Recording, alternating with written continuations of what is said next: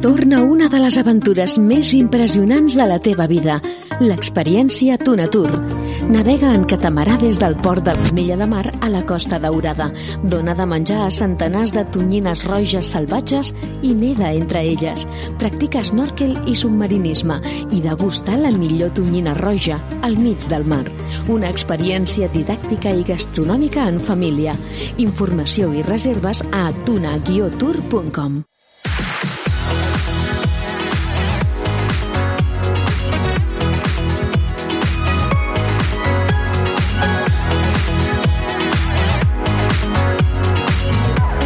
dia Terres de l'Ebre, amb Leonor Bertomeu. Hola, molt bon dia, benvinguts a l'edició d'avui dimarts 30 de juny de l'Aldia Terres de l'Ebre. Avui, com cada dia, els acompanyarem fins al punt de les 4 de la tarda amb el repàs a l'actualitat, entrevistes i també amb la tertúlia del dia.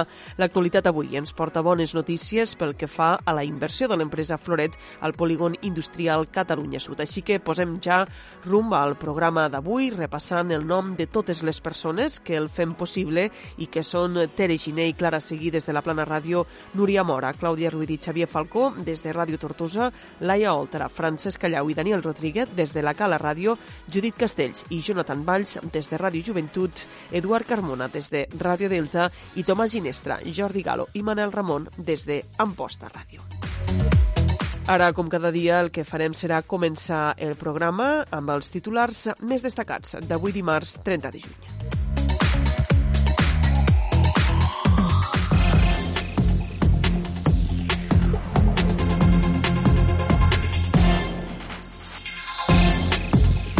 L'empresa Floret anuncia l'inici de les obres de construcció de la nova planta al polígon industrial Catalunya Sud. L'empresa crearà 200 llocs de treball. La plataforma en defensa de l'Ebre exigeix al govern català i a les institucions ebrenques que actuen davant, davant nous mini-transvassaments com el previst a Cantàbria. La coordinadora per l'abolició dels correbous assegura que ha influït per a que este any no hi hagi festes amb bous al territori, malgrat diuen el xantatge que consideren hi ha hagut per part dels ramaders de bous braus. Destacants, destacats militants ebrencs del PDeCAT donen suport a un manifest per convertir Junts per Catalunya en formació política. El Copate preveu una campanya complicada en el control del mosquit al Delta de l'Ebre aquest estiu i ja ha demanat autorització per a ampliar el número d'hectàrees a tractar. De l'àmbit de la cultura, destaquem que l'ampostina Teresa Ferrer serà la nova directora del Consorci Memorial de la Batalla de l'Ebre. Ulldecona reivindica les oliveres i el territori amb un mural urbà que representa unes plegadores d'olives. A l'Ametlla de Mar, el Centre d'Interpretació de la Pesca reobre portes demà dimecres. Més titulars de l'actualitat, el ple de la Ràpita acorda una remodelació integral de la piscina municipal. Els aficionats al cinema estan d'enhorabona este pròxim divendres i després de quatre mesos tornaran a obrir les portes del Multicinemes d'Amposta. L'Ajuntament de Deltebre prepara un ampli catàleg d'activitats per a aquest estiu com a alternativa als actes que s'han hagut de suspendre a causa de la Covid-19 i l'Ajuntament de Santa Bàrbara habilita un número de telèfon mòbil per rebre incidències del municipi. Estos són els titulars d'avui dimarts 30 de juny. Ens posem tot seguit a l'Aldia Terres de l'Ebre a ampliar tota la informació.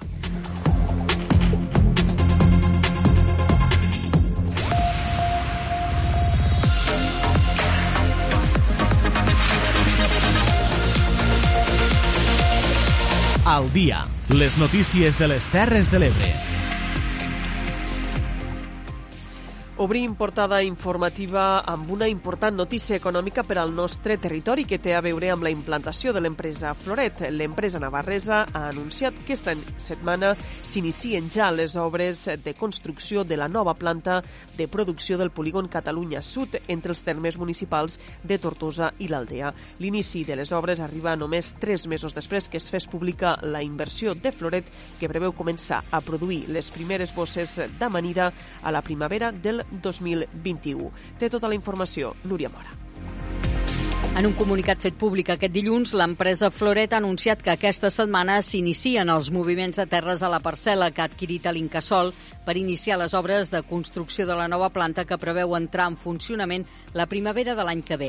Així ho ha corroborat també l'alcaldessa de Tortosa, Meritxell Roger, que ha insistit en que la implantació d'aquesta empresa al Catalunya Sud és una molt bona notícia per la ciutat i pel territori. Ah, ja comencen obres, estan ja a punt de fer també moviment de terres i per tant iniciar les obres amb l'objectiu d'obrir la primavera propera. I el fet de poder tindre aquesta empresa aquí que apostés pel territori realment va ser una molt bona notícia que ens va anar molt bé, jo crec que a tots plegats. A banda d'això també pel tipus d'empresa que és, perquè també estem parlant d'una empresa que aposta pel sector primari, que el posa en valor la nostra agricultura i els nostres productes. Per tant, és la empresa, diguem-li que ideal per tal que s'instal·li aquí al nostre territori. Aquest serà el sisè centre de producció que la companyia navarresa té a l'estat espanyol i estarà basat en la sostenibilitat. La nova planta de Tortosa treballarà amb energies renovables i amb un model de recuperació d'aigua i eficiència energètica basada en l'autoconsum. Floret també ha assegurat que les noves instal·lacions del polígon Catalunya Sud es fonamentaran en el concepte d'indústria 4.0 i buscaran una major eficiència dels recursos i d'adaptació a les demandes. El projecte, recordem, suposarà la creació de 200 llocs de treball directes i 100 més d'indirectes. L'empresa encarregada del projecte de les noves instal·lacions de Floreta Tortosa és Construcciones ECAI i la inversió inicial per al nou centre de producció en una primera fase és de 13 milions d'euros. La factoria que es projecta tindrà una superfície de 7.600 metres quadrats, amb una producció de 25 milions de bosses d'amanida anuals. Els productes de l'empresa Floret es conreen i processen íntegrament al país.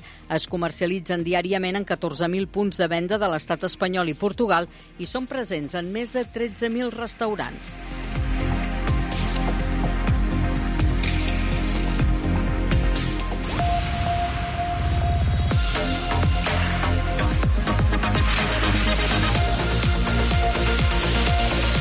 Al dia. Una de la tarda i 11 minuts seguim repassant l'actualitat a l'Aldia Terres de l'Ebre. Els ho hem vingut explicant. Durant este mes de juliol, el Consell de Ministres podria aprovar un nou mini-transbassament de 4,9 hectòmetres cúbics a Cantàbria, concretament des de l'embassament de l'Ebre fins a Santander.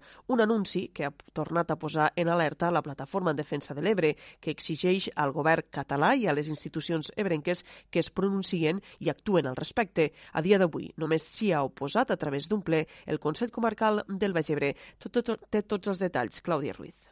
L'anunci va arribar el 18 de juny quan la Junta de Govern de la Confederació Hidrogràfica de l'Ebre recollia l'autorització d'aquesta transferència d'un màxim anual de 4,99 hectòmetres cúbics cap a Santander, una actuació que la plataforma explica que perjudica el cabal del tram final del riu i contradiuen així les promeses per salvaguardar el delta. De fet, la PDE ha lamentat que durant el tràmit d'audiència de la Junta de Govern, on informen per les comunitats autònomes, només s'hi oposessin el Govern d'Aragó i l'Ajuntament del Canyís. Per això ha fet un crit perquè tant el Govern com les administracions administracions ebrenques ho rebutgen públicament. Escoltem el portaveu de la PDE, Manolo Tomàs. Hi ha o bé el govern català o inclús les institucions ebrenques, que per això deuen, per, bueno, que sembla que n'hi ha no? a, a l'Ebre, eh, tindrien que fer algun tipus de cosa per a fer el crit d'alerta i oposar-se a aquest tipus de trasbassament.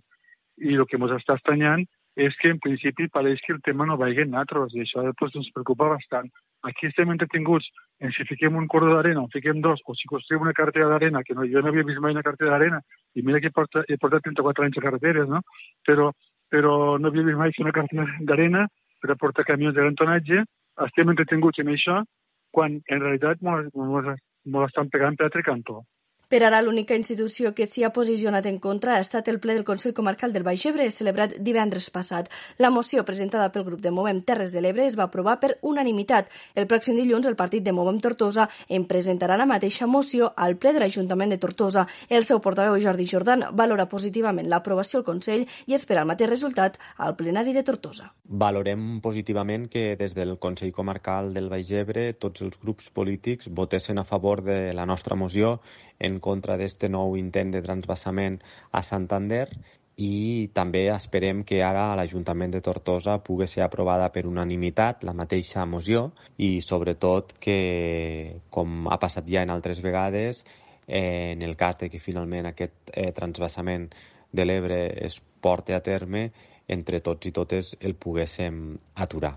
En aquest sentit, la plataforma assegura que ja treballa per rebutjar aquest projecte activament tan aviat com la situació sanitària els ho permeti.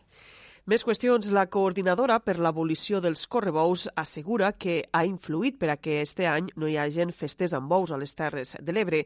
L'entitat lamenta que molts alcaldes volien programar-los malgrat el risc sanitari i cedint al xantatge dels ramaders. També lamenten, però, que la situació política de Catalunya farà impossible avançar en la prohibició dels correbous esta legislatura. Ens ho explica Manel Ramon des d'Amposta Ràdio.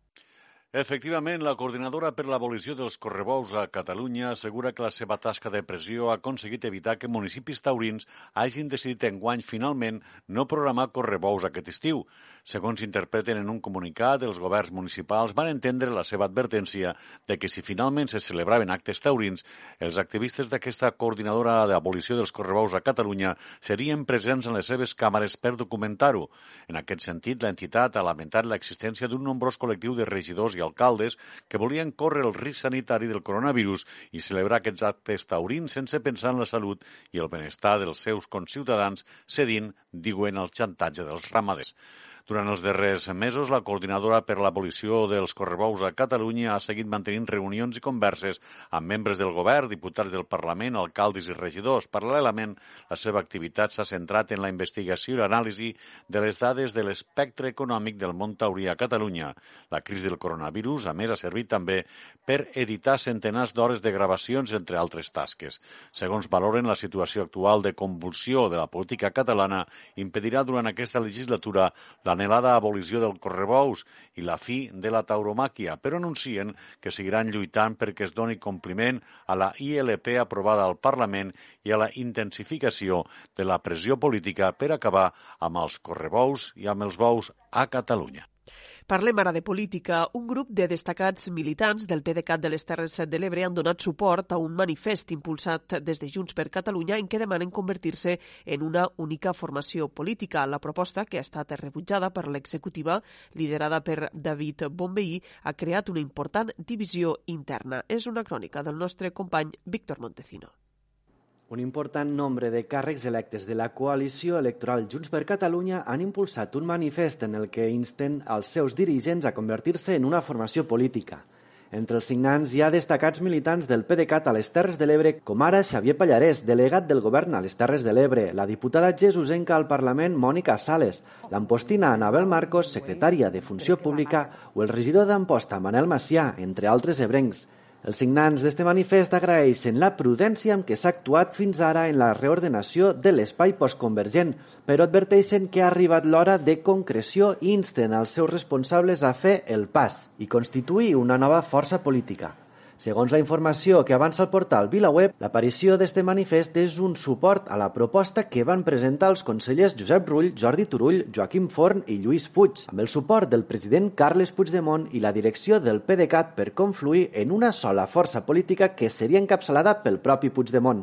La proposta va ser rebutjada per l'executiva del PDeCAT, de la que forma part Ferran Bel, que apostarien per la fórmula d'una coalició amb quotes del 50% per als seus dirigents. Tot plegat ha generat una forta divisió al si del partit que lidera David Bonveí, que a través de les xarxes ha assegurat que el futur s'ha de decidir entre tots els militants. No obstant, consellers com Meritxell Budó, Damià Calvet, Jordi Puigneró o Miquel Buch han acabat donant suport a la proposta. També l'han recolzada diversos batlles i cinc sectorials del propi partit. Perquè nosaltres estem aquí per fer política, i fer política vol dir tindre un ideari i intentar implementar a través de l'instrument que és el partit polítiques per millorar la vida de la gent.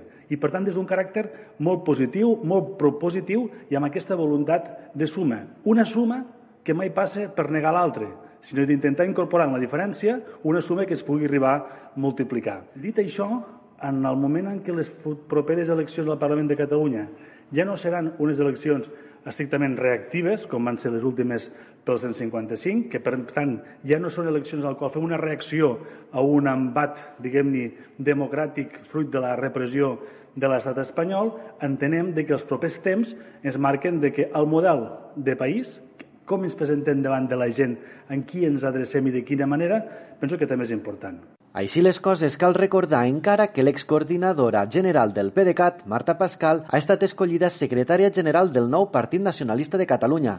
El president de la Generalitat, Quim Torra, ha criticat la ponència d'esta nova formació creada per sectors crítics amb l'enfocament del PDeCAT i Junts per Catalunya, en la qual es declara la voluntat de la formació de recuperar la confiança i la lleialtat a Espanya. Canviem ara d'arguments. Tal i com els explicàvem ahir, esta setmana han començat els tractaments contra el mosquit en arrossars pròxims als nuclis urbans del Delta de l'Ebre. Enguany, la campanya de lluita contra el mosquit es preveu molt complicada a causa de les inundacions provocades pel temporal Glòria i les pluges de la primavera, fins al punt que a finals de juny el Copate ja ha tractat 2.600 hectàrees d'espais naturals al Delta, tot un rècord, ja que encara ens trobem a la meitat de la temporada. Raül Escosa, director tècnic tècnic de salubritat del Copate va avançar ahir a l'espai de l'entrevista de l'Aldia Terres de l'Ebre que ja s'ha demanat permís a la Comissió de Salubritat per a poder comprar més producte i poder ampliar la previsió d'hectàrees tractades en guany. Malauradament ja en portem 2.600, o sigui, realment ha sigut un inici de campanya molt fort. Eh? A part, el pas del Glòria ens va fer molt de mal a tot el que és la façana litoral, que són on estan aquests focus larvaris, i després successius eh, fronts que han anat passant en donant pluja o bé pujades de mar han fet que estiguem en això, estem en 2.600 hectàrees, que per a l'alçada de la temporada en la que estem és, eh, és molt. Eh? Crec que estem batent ja un rècord. Eh? Uh -huh. Això ens ha portat a demanar inclús als nostres socis, que no són altres que els ajuntaments del Delta de l'Ebre, el poder incrementar en 1.000 quilos més, o sigui, per a poder fer 1.000 hectàrees més en aquests espais, eh? en previsió de que, clar, la temporada, fins a ben entrat l'octubre, pues, eh, queda encara molta temporada. Així, el Copate preveu superar en guany el màxim històric de 4.300 hectàrees tractades en espais naturals contra el mosquit.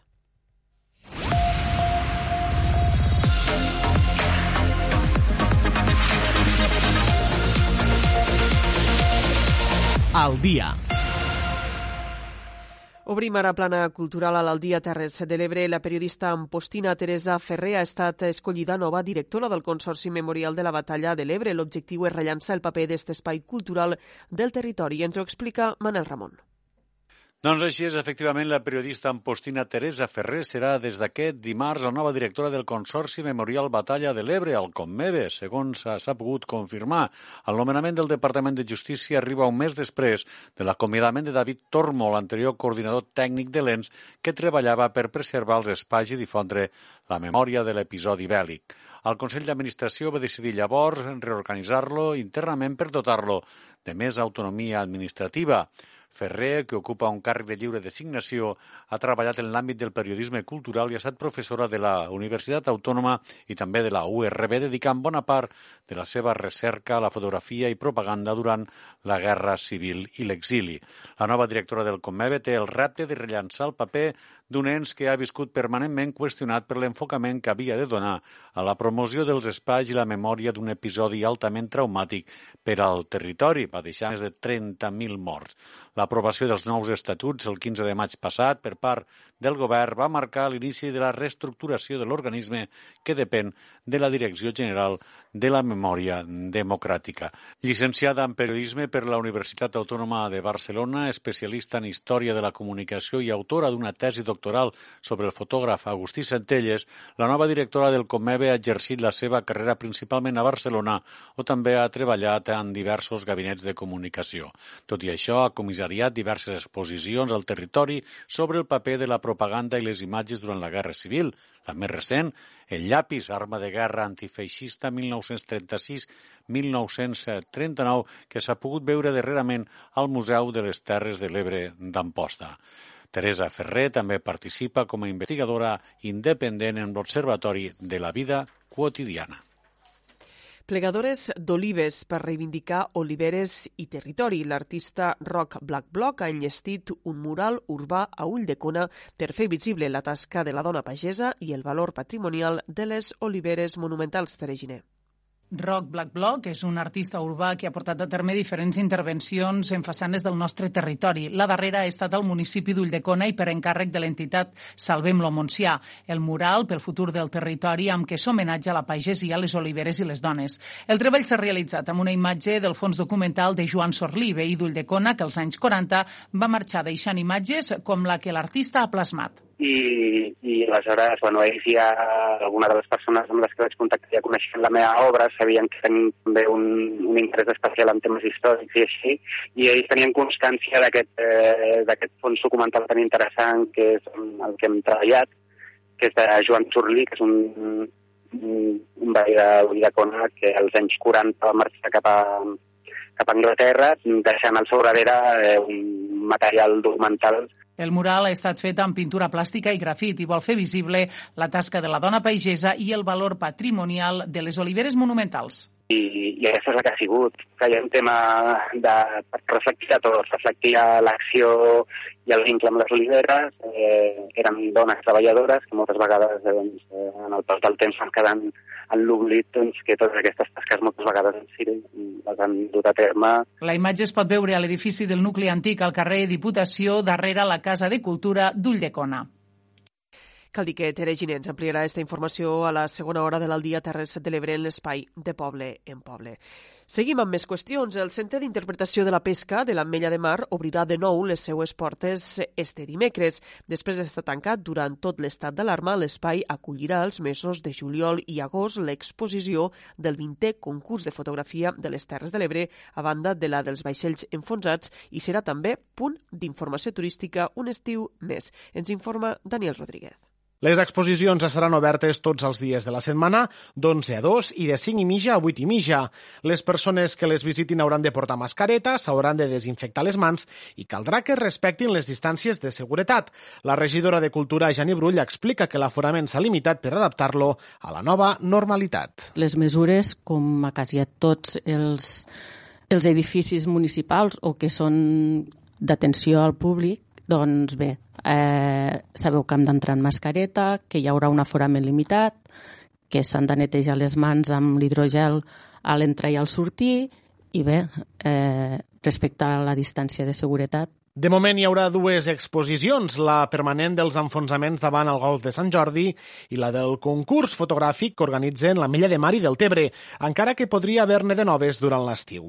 El gerent de l'àrea de turisme, Damià Lleó, diu que enguany exposaran més imatges a banda de les premiades. Els altres anys, com que hi havia altres exposicions, intentàvem pues, estructurar i respectar una mica els espais, no? però com que enguany no n'hi ha, que més intentarem penjar les la, millor, la més quantitat possible de fotografies perquè creiem que, pues, bueno, que la gent que participa, encara que no hagin quedat ni guanyadors ni finalistes, també també se'ls veu, és com un agraïment, no? també es veu recompensat el seu esforç. No?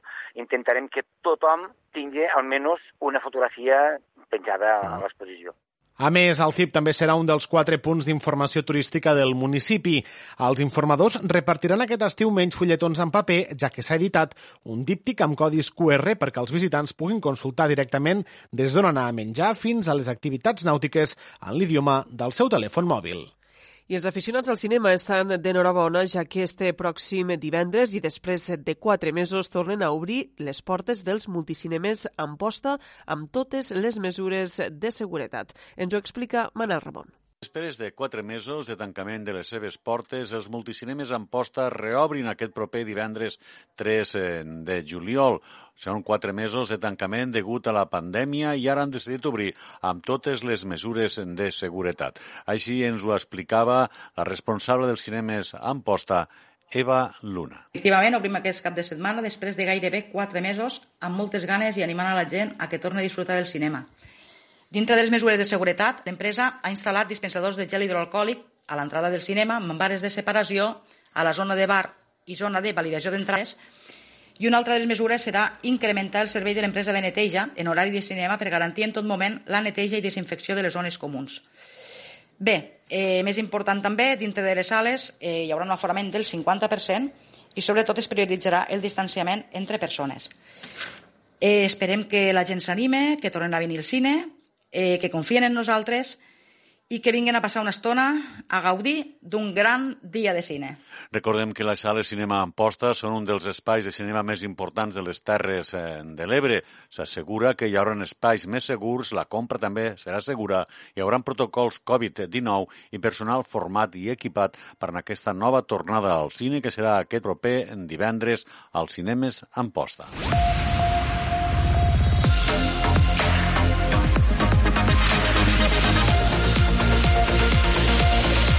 Al dia. Una de la tarda, gairebé 29 minuts. Seguim amb més notícies a l'Aldia Terres de l'Ebre. El ple de la Ràpita ha acordat una remodelació integral de la piscina municipal. El paquet d'inversions de, de 2 milions d'euros també inclou la reforma de les duanes i els arranjaments del carrer Constància i l'Avinguda Pare Castro. Ens informa Judit Castells. 1.790.000 euros. Aquesta és la modificació pressupostària de crèdit que s'ha aprovat al ple de l'Ajuntament de la Ràpita per impulsar noves inversions al municipi. Ara les inversions del pressupost 2020 arriben a un total de 2 milions d'euros. Una de les actuacions més destacades que es durà a terme serà la remodelació integral de la piscina municipal.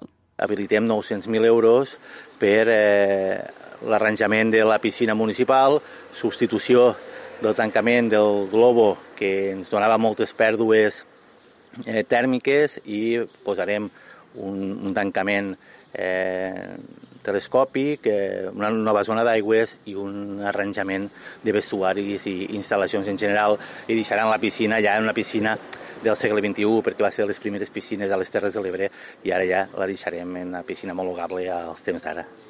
També s'urbanitzarà el carrer Constança i s'arranjarà l'Avinguda Pare Castro, així com també se reformarà l'edifici de les duanes per acollir un centre per al desenvolupament de l'economia local.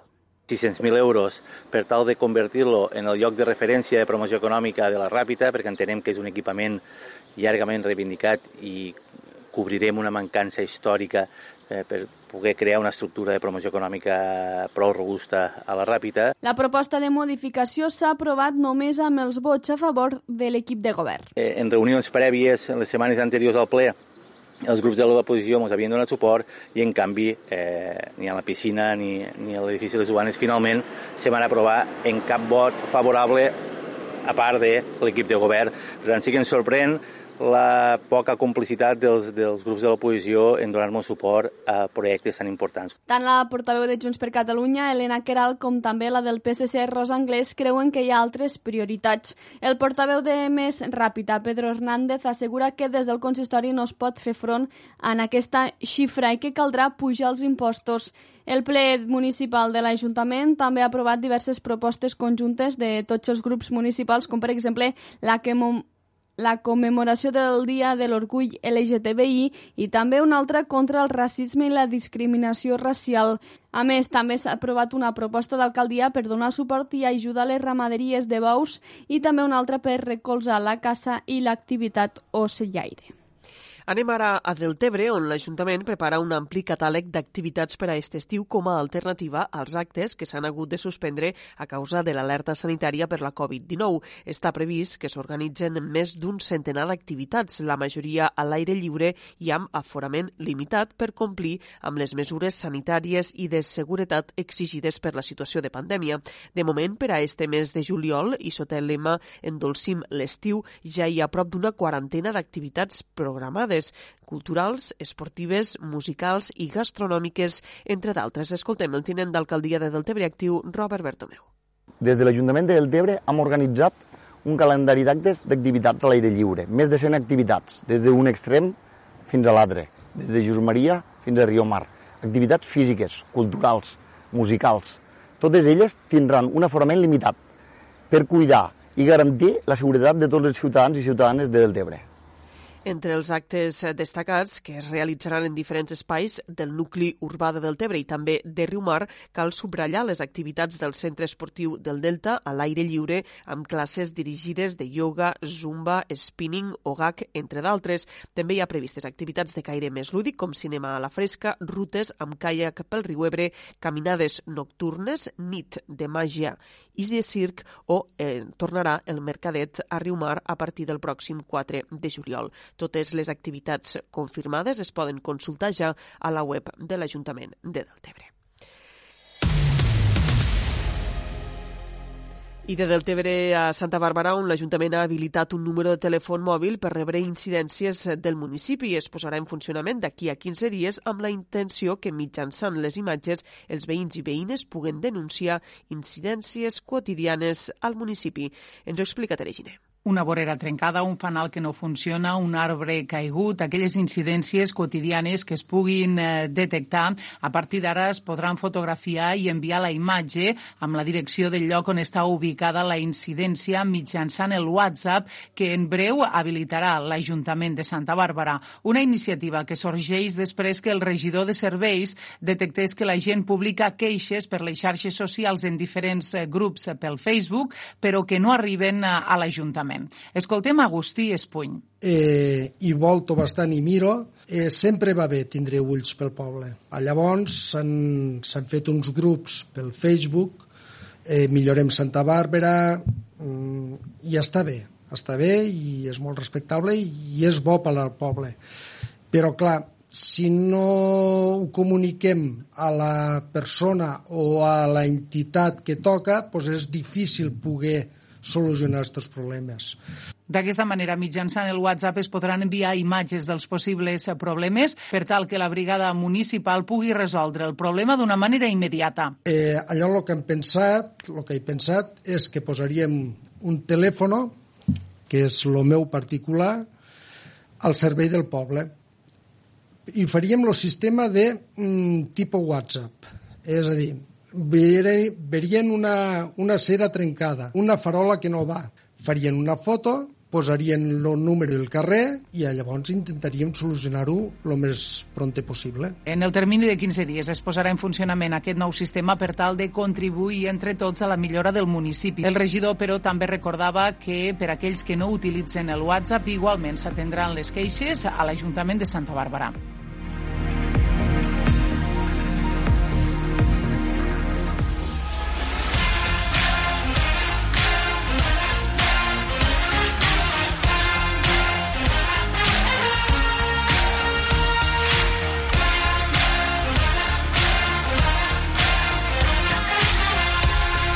Dia.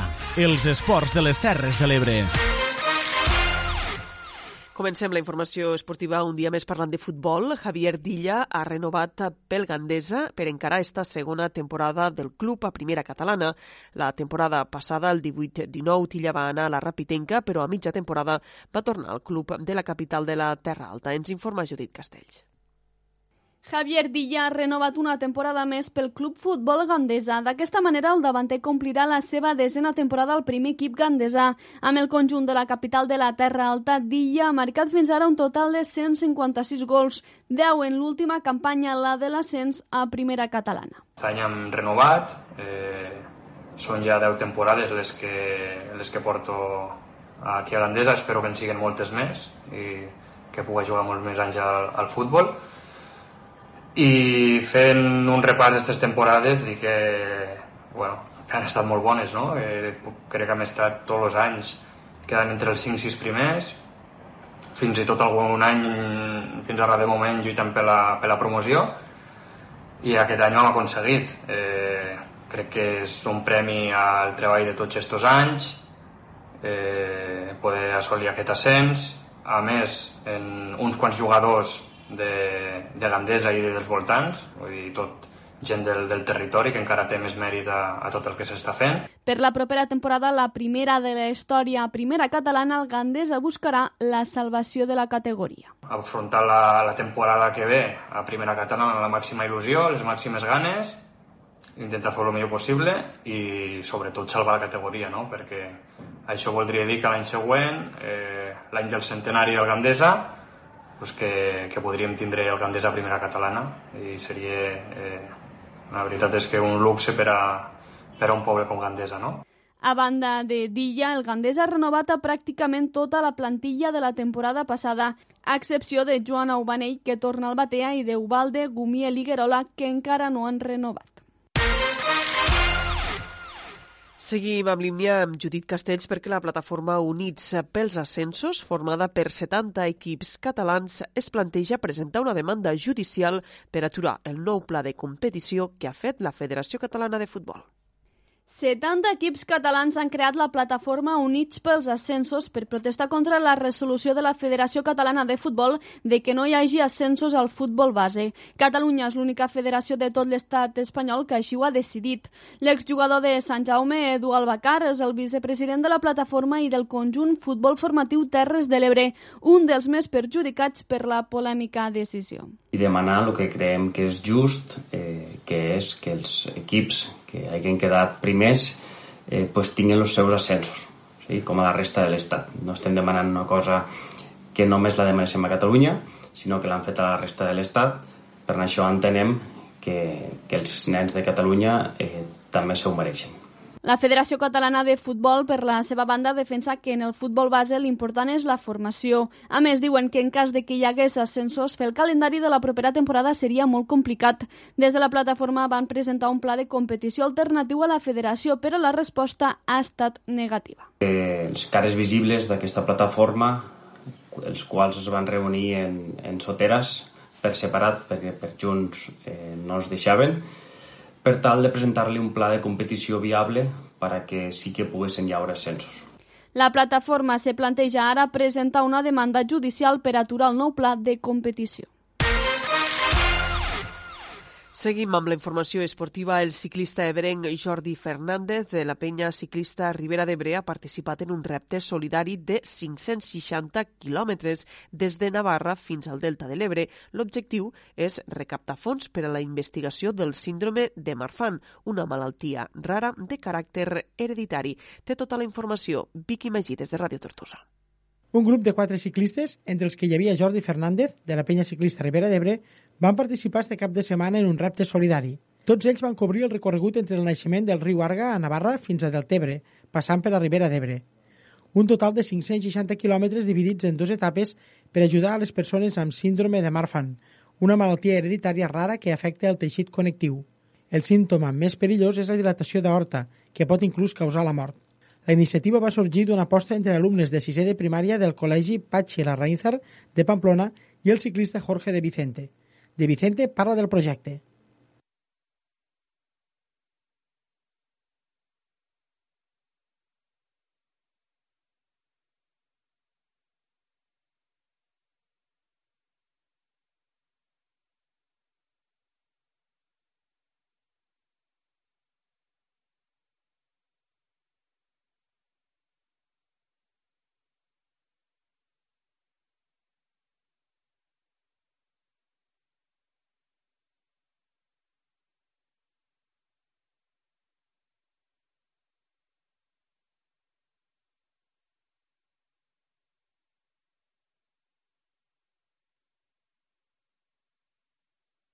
Després de cobrir este repte, De Vicente ja ha començat a pensar en els propers, que segur que també portaran el seu segell de solidaritat.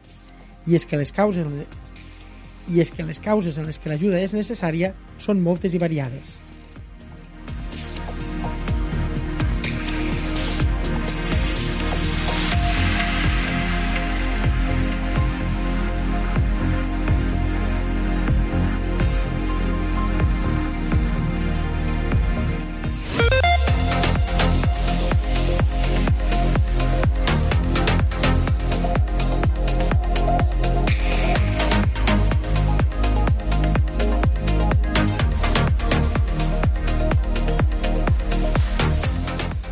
Temps ara per a l'entrevista del dia. La setmana passada el Departament de Salut va anunciar que el nou accelerador lineal que va donar la Fundació Amancio Ortega s'instal·larà finalment a l'Hospital de la Santa Creu de Jesús i que de moment abandona la idea de poder-lo ubicar al nou edifici oncològic de l'Hospital Verge de la Cinta. La substitució de l'actual aparell, que fa ja 11 anys que funciona a Jesús, serà un tràmit llarg que, segons Salut, podria allargar-se ben bé un any. Mentrestant, tots els malalts de càncer que requereixen de radioteràpia hauran de desplaçar-se a l'Hospital Sant Joan de Reus. Per valorar esta situació, saludem avui al programa a Francesc Vallespí, delegat de la Lliga contra el Càncer a les Terres de l'Ebre. Francesc, bon dia. Hola, molt bon dia, Leonor, com esteu?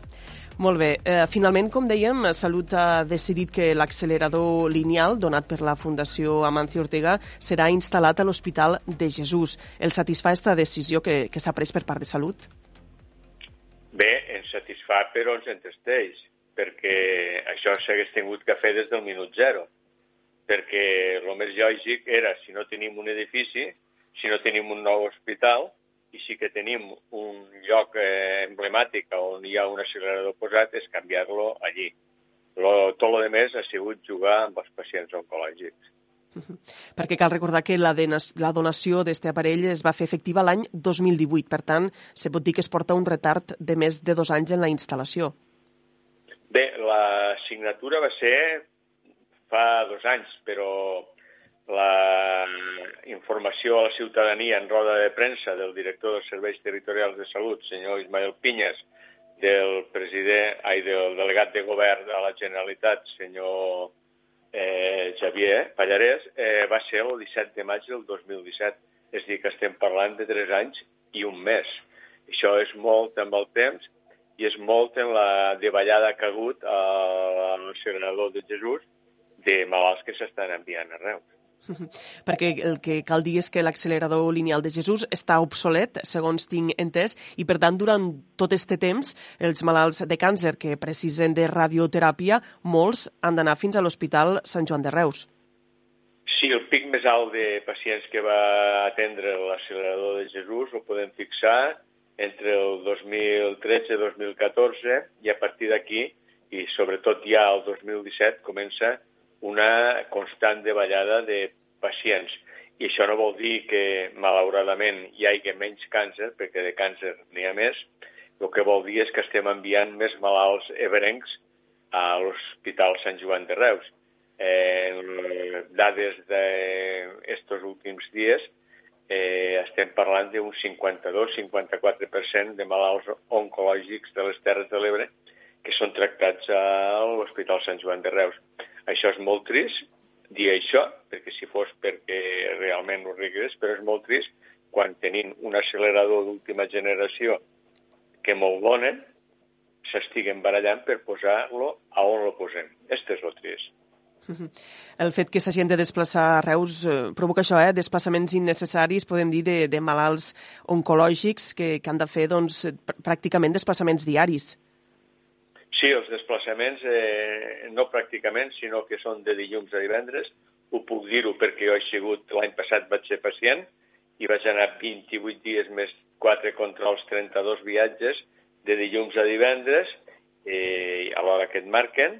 Això sí, et porta o un taxi o una ambulància o qui sigui, però eh, no és una motxilla d'anar d'excursió, és una motxilla que vas a tractar-te un càncer.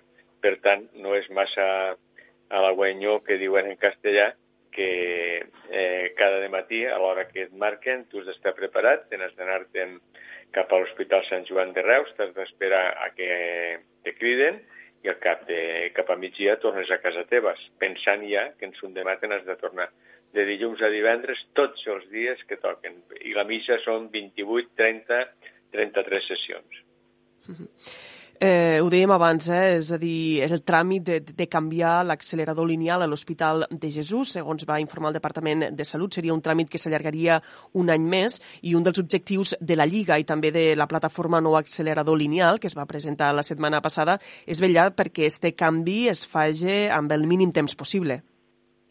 Bé, la Lliga, eh, des del minut zero, ho he dit abans i ho torno a repetir, vam apostar perquè l'accelerador havia d'haver anat a Jesús. Esta és la gran realitat. Llavors, ja, ja sortim ara una altra vegada, a partir de que crec que va ser avui fa una setmana la directora dels Serveis Territorials de Salut va sortir a anunciar que se posaria Jesús. Quina casualitat, quan s'ha anunciat pels mitjans de que s'està creant una plataforma, no havia tingut temps altres dies que surt eh, després de saber que es crea una plataforma, que no hi entraré. Eh, realment, eh, la directora dels Serveis Territorials de Salut ha tornat a, mm, a coixejar una mica, perquè parlar de que com a mínim se tardarà un any és una animalada. Ho dic com a delegat de la Lliga, per què? Perquè portem molt de temps parlant d'acceleradors, portem molt de temps eh, convivint en oncòlegs i en els que porten l'apartat de radiologia ai, de, de radiologia, de radioteràpia del Sant Joan de Reus, I això se pot fer en cinc mesos, si es vol. Ja dic, si es vol. El qual vol dir que quan ens està parlant la directora dels Serveis Territorials de Salut d'un any, és que tornem a estar jugant un poc més amb els pacients. Això se pot fer en cinc mesos, sis. A Nadal podria entrar el primer malalt oncològic al nou accelerador. I ella ja ens parla d'un any. Eh, jo penso que eh, en cap malalt se pot jugar, en cap malalt se pot riure, però en malalts oncològics, en pacients oncològics, s'hauria de ser molt més seriós. És dir, si no ho saps, no obris la boca i, si no, assessora't que t'informen els físics de l'Hospital Sant Joan de Reus, entre els quals tenim un grandíssim físic que és de, de les nostres terres, que ha muntat 17 acceleradors lineals, i este senyor sempre ens ha parlat a la Lliga de que entre 5 mesos i 6 podria estar instal·lat un nou accelerador a l'Hospital Sant Ai de Jesús. Per tant, eh, no enganyéssim més, esta la demanda que fa la Lliga, que no s'enganyi més als malalts, als pacients oncològics. Perquè el que cal tindre clar és que si ara un 50% dels pacients han d'anar a Reus, durant el canvi de tecnologia o el canvi d'accelerador, hauran de ser tots, no?, els malalts que s'hagin de desplaçar a altres centres hospitalaris? Sí, per descomptat, Leonor, això no es pot evitar. No es pot evitar perquè aquí al territori no tenim cap altre accelerador. És diferent, nosaltres aquí fem les coses sempre a mitges. A l'Hospital Sant Joan de Reus se va fer un nou hospital i es van crear tres búnkers, búnkers al puesto on s'ubica un accelerador. En aquests moments a l'Hospital Sant Joan de Reus hi ha dos búnkers plens, és a dir, hi ha dos acceleradors lineals, i un búnker buit. És a dir, que si mai volen posar un nou accelerador, no tindran que fer tota aquesta comèdia que estem fent aquí a les Terres de l'Ebre. Ells tenen un búnker buit, posaran el nou accelerador i ningú ho notarà. Però aquí la realitat és que els malalts oncològics de l'Ebre, el dia que es decidís que fer el canvi, s'haurà d'haver reprogramat juntament amb tots els tècnics i professionals de l'Hospital Sant Joan de Reus i s'hauran d'anar tots, tots, tots, sense excepció, a Reus. El motiu d'aquest retard en la instal·lació de l'accelerador lineal vindria donat perquè la voluntat del Departament de Salut era ubicar-lo al nou edifici oncològic que hi ha previst construir a l'Hospital Verge de la Cinta de Tortosa. Des de la Lliga contra el Càncer, com es veia aquesta inversió de nou edifici oncològic a l'Hospital Verge de la Cinta? Bé, des de la Lliga contra el Càncer, tot el que sigui millorar eh, la qualitat dels pacients eh, oncològics, eh, endavant.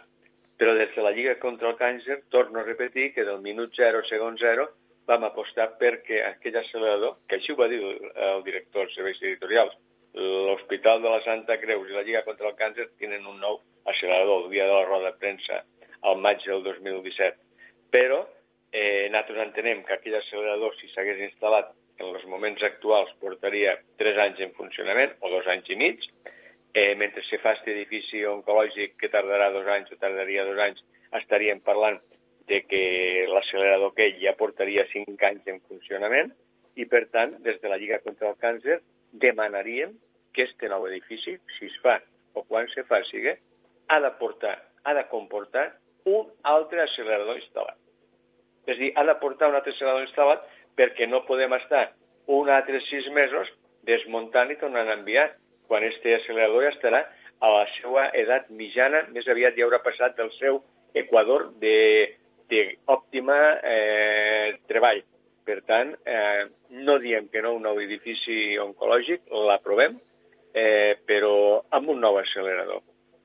I, a més, sempre, eh, perdona, Leonor, amb el transfons de que més parxes a l'hospital, potser ens ho hauríem de replantejar i potser hauríem de continuar pensant en aquell hospital eh, de referència per a les Terres de l'Ebre que el 2012 se va tirar per terra amb les retallades del senyor Boi Ruiz i la complexitat de tots els eh, grans polítics convergents del territori. I no diré noms per a que ningú se senti al·ludit, però tothom sabem qui són els que van eh, claudicar davant de les retallades del senyor Boi.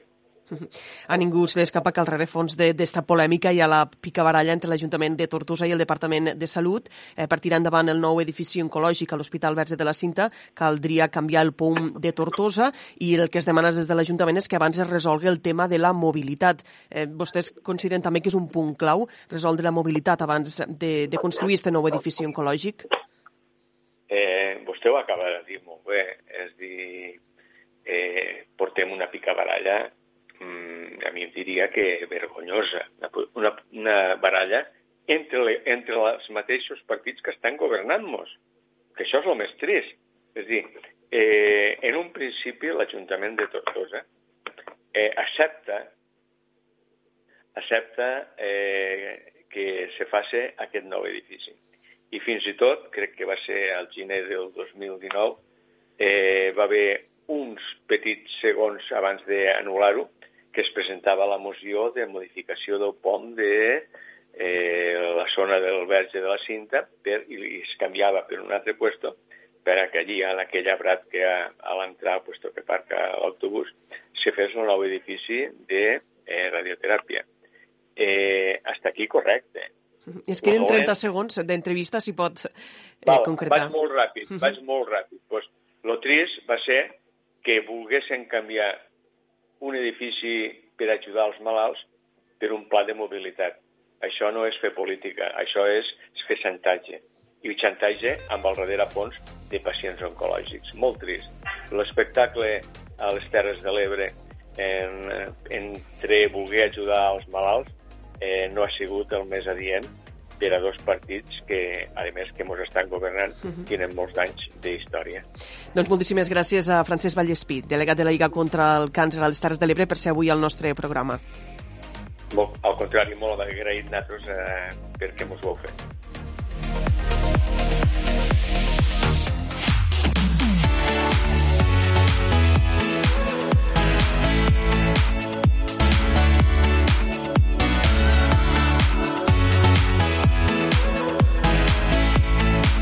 Dia, l'agenda de les Terres de l'Ebre. I ara ens queda poc més eh, d'un minut d'esta primera hora de l'Aldia Terres de l'Ebre per a repassar l'agenda. Anem com cada dia a veure les propostes que ens fan arribar des de Ràdio Tortosa. Clàudia Ruiz, bon dia. Bon dia, Leonor. Avui a l'agenda us portem una nova sessió de xerrades que realitza la URB des del seu perfil d'Instagram URB Empren. A partir de les 5 de la tarda trobareu un live amb Mònica Sánchez, qui resoldrà els dubtes sobre si compleix el teu lloc web amb la normativa d'aplicació. Aquesta xerrada també es troba dintre del cicle URB Empren Talks sobre emprenedoria. I us volem avançar que el Museu de l'Ebre de Tortosa tindrà a partir de divendres una nova exposició sota el nom de Blues Jazz amb Muses Carrasco. La inauguració serà aquest 3 de juliol a les 8 del vespre. L'acte es complementarà amb una acció de dibuix i música en viu. Durant el cap de setmana podreu visitar-la en horari de matí d'11 a 2 i també el dissabte a la tarda de 5 a 8 del vespre.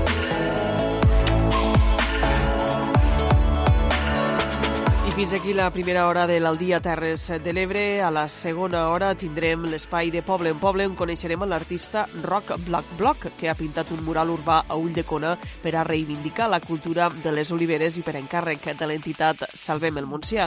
També tindrem l'última edició de la temporada de l'espai Positivament amb Joan Agustí Ramírez i acabarem amb la secció sobre educació que cada dimarts ens porta Clàudia Ruiz des de Ràdio Tortosa.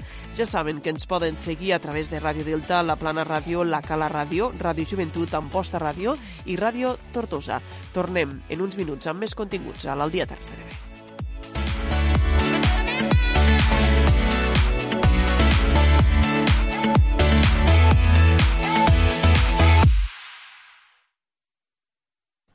Torna una de les aventures més impressionants de la teva vida, l'experiència Tunatur. Navega en catamarà des del port de l'Ametlla de Mar a la Costa Daurada. Dona de menjar a centenars de tonyines roges salvatges i neda entre elles. Practica snorkel i submarinisme i degusta la millor tonyina roja al mig del mar. Una experiència didàctica i gastronòmica en família. Informació i reserves a tuna-tour.com.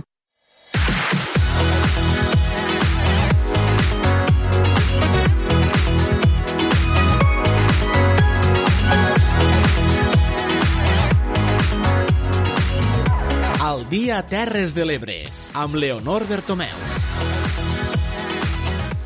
Hola, molt bona tarda. Benvinguts a la segona hora de l'Aldia Terres de l'Ebre en l'edició d'avui dimarts 30 de juny. Tal i com els hem avançat, avui a la secció de Poble en Poble anirem fins a Ulldecona per a conèixer l'artista Rock Black Block que ha pintat un mural urbà que reivindica la cultura de l'oli de les oliveres. També tindrem el nostre coach particular, Joan Agustí Ramírez, i a l'espai d'educació sabrem més sobre l'aula d'innovació tecnològica que posarà en marxa el campus de les Terres de l'Ebre de la URB.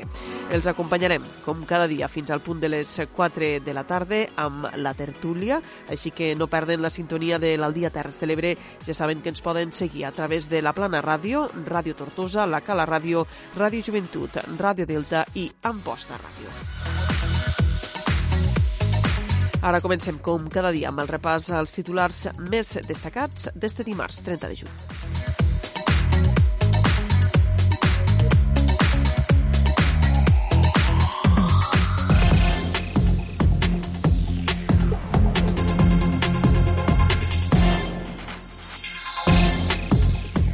L'empresa Floret anuncia l'inici de les obres de construcció de la nova planta al polígon industrial Catalunya Sud. L'empresa crearà 200 llocs de treball. La plataforma en defensa de l'Ebre exigeix al govern català i a les institucions ebrenques que actuen davant, davant nous mini-transvassaments com el de Cantàbria. La coordinadora per l'abolició dels correbous assegura que ha influït per a que este any no hi hagin festes amb bous al territori, malgrat diuen el xantatge que consideren hi ha hagut per part dels ramaders. Destacats militants ebrencs del PDeCAT donen suport a un manifest per convertir Junts per Catalunya en formació política. El Copate preveu una campanya complicada en el control del mosquit al Delta de l'Ebre aquest estiu i ja ha demanat autorització per a ampliar el número d'hectàrees tractades en guany. L'ampostina Teresa Ferrés, nomenada nova directora del Consorci Memorial dels Espais de la Batalla de l'Ebre. El Centre d'Interpretació de la Pesca de l'Ametlla de Mar reobrirà portes demà dimecres. Ulldecona reivindica les oliveres i el territori amb un mural urbà que representa unes plegadores d'olives.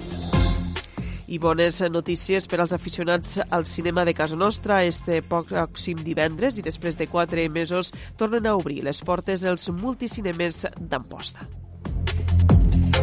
El ple de la Ràpita acorda una remodelació integral de la piscina municipal i l'Ajuntament de Deltebre prepara un ampli catàleg d'activitats per a aquest estiu com a alternativa als actes que s'han hagut de suspendre a causa de la Covid-19. Acabem el repàs als titulars a Santa Bàrbara, ja que l'Ajuntament ha habilitat un número de mòbil per rebre incidències al municipi.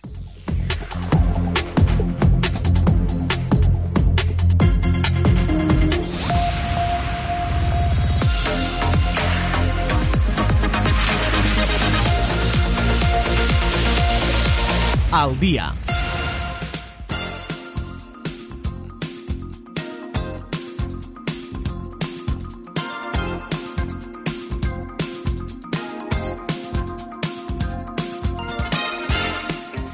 Dos de la tarda, gairebé 9 minuts. Comencem, com cada dia, esta segona hora de l'Aldia Terres de l'Ebre amb la secció de Poble en Poble. Avui visitarem Ulldecona, un dels municipis on l'artista rock Black Block ha fet este cap de setmana una intervenció en una façana en defensa de les oliveres mil·lenàries encarregada per l'entitat Salvem lo Montsià. Tere Giner ha parlat amb l'artista.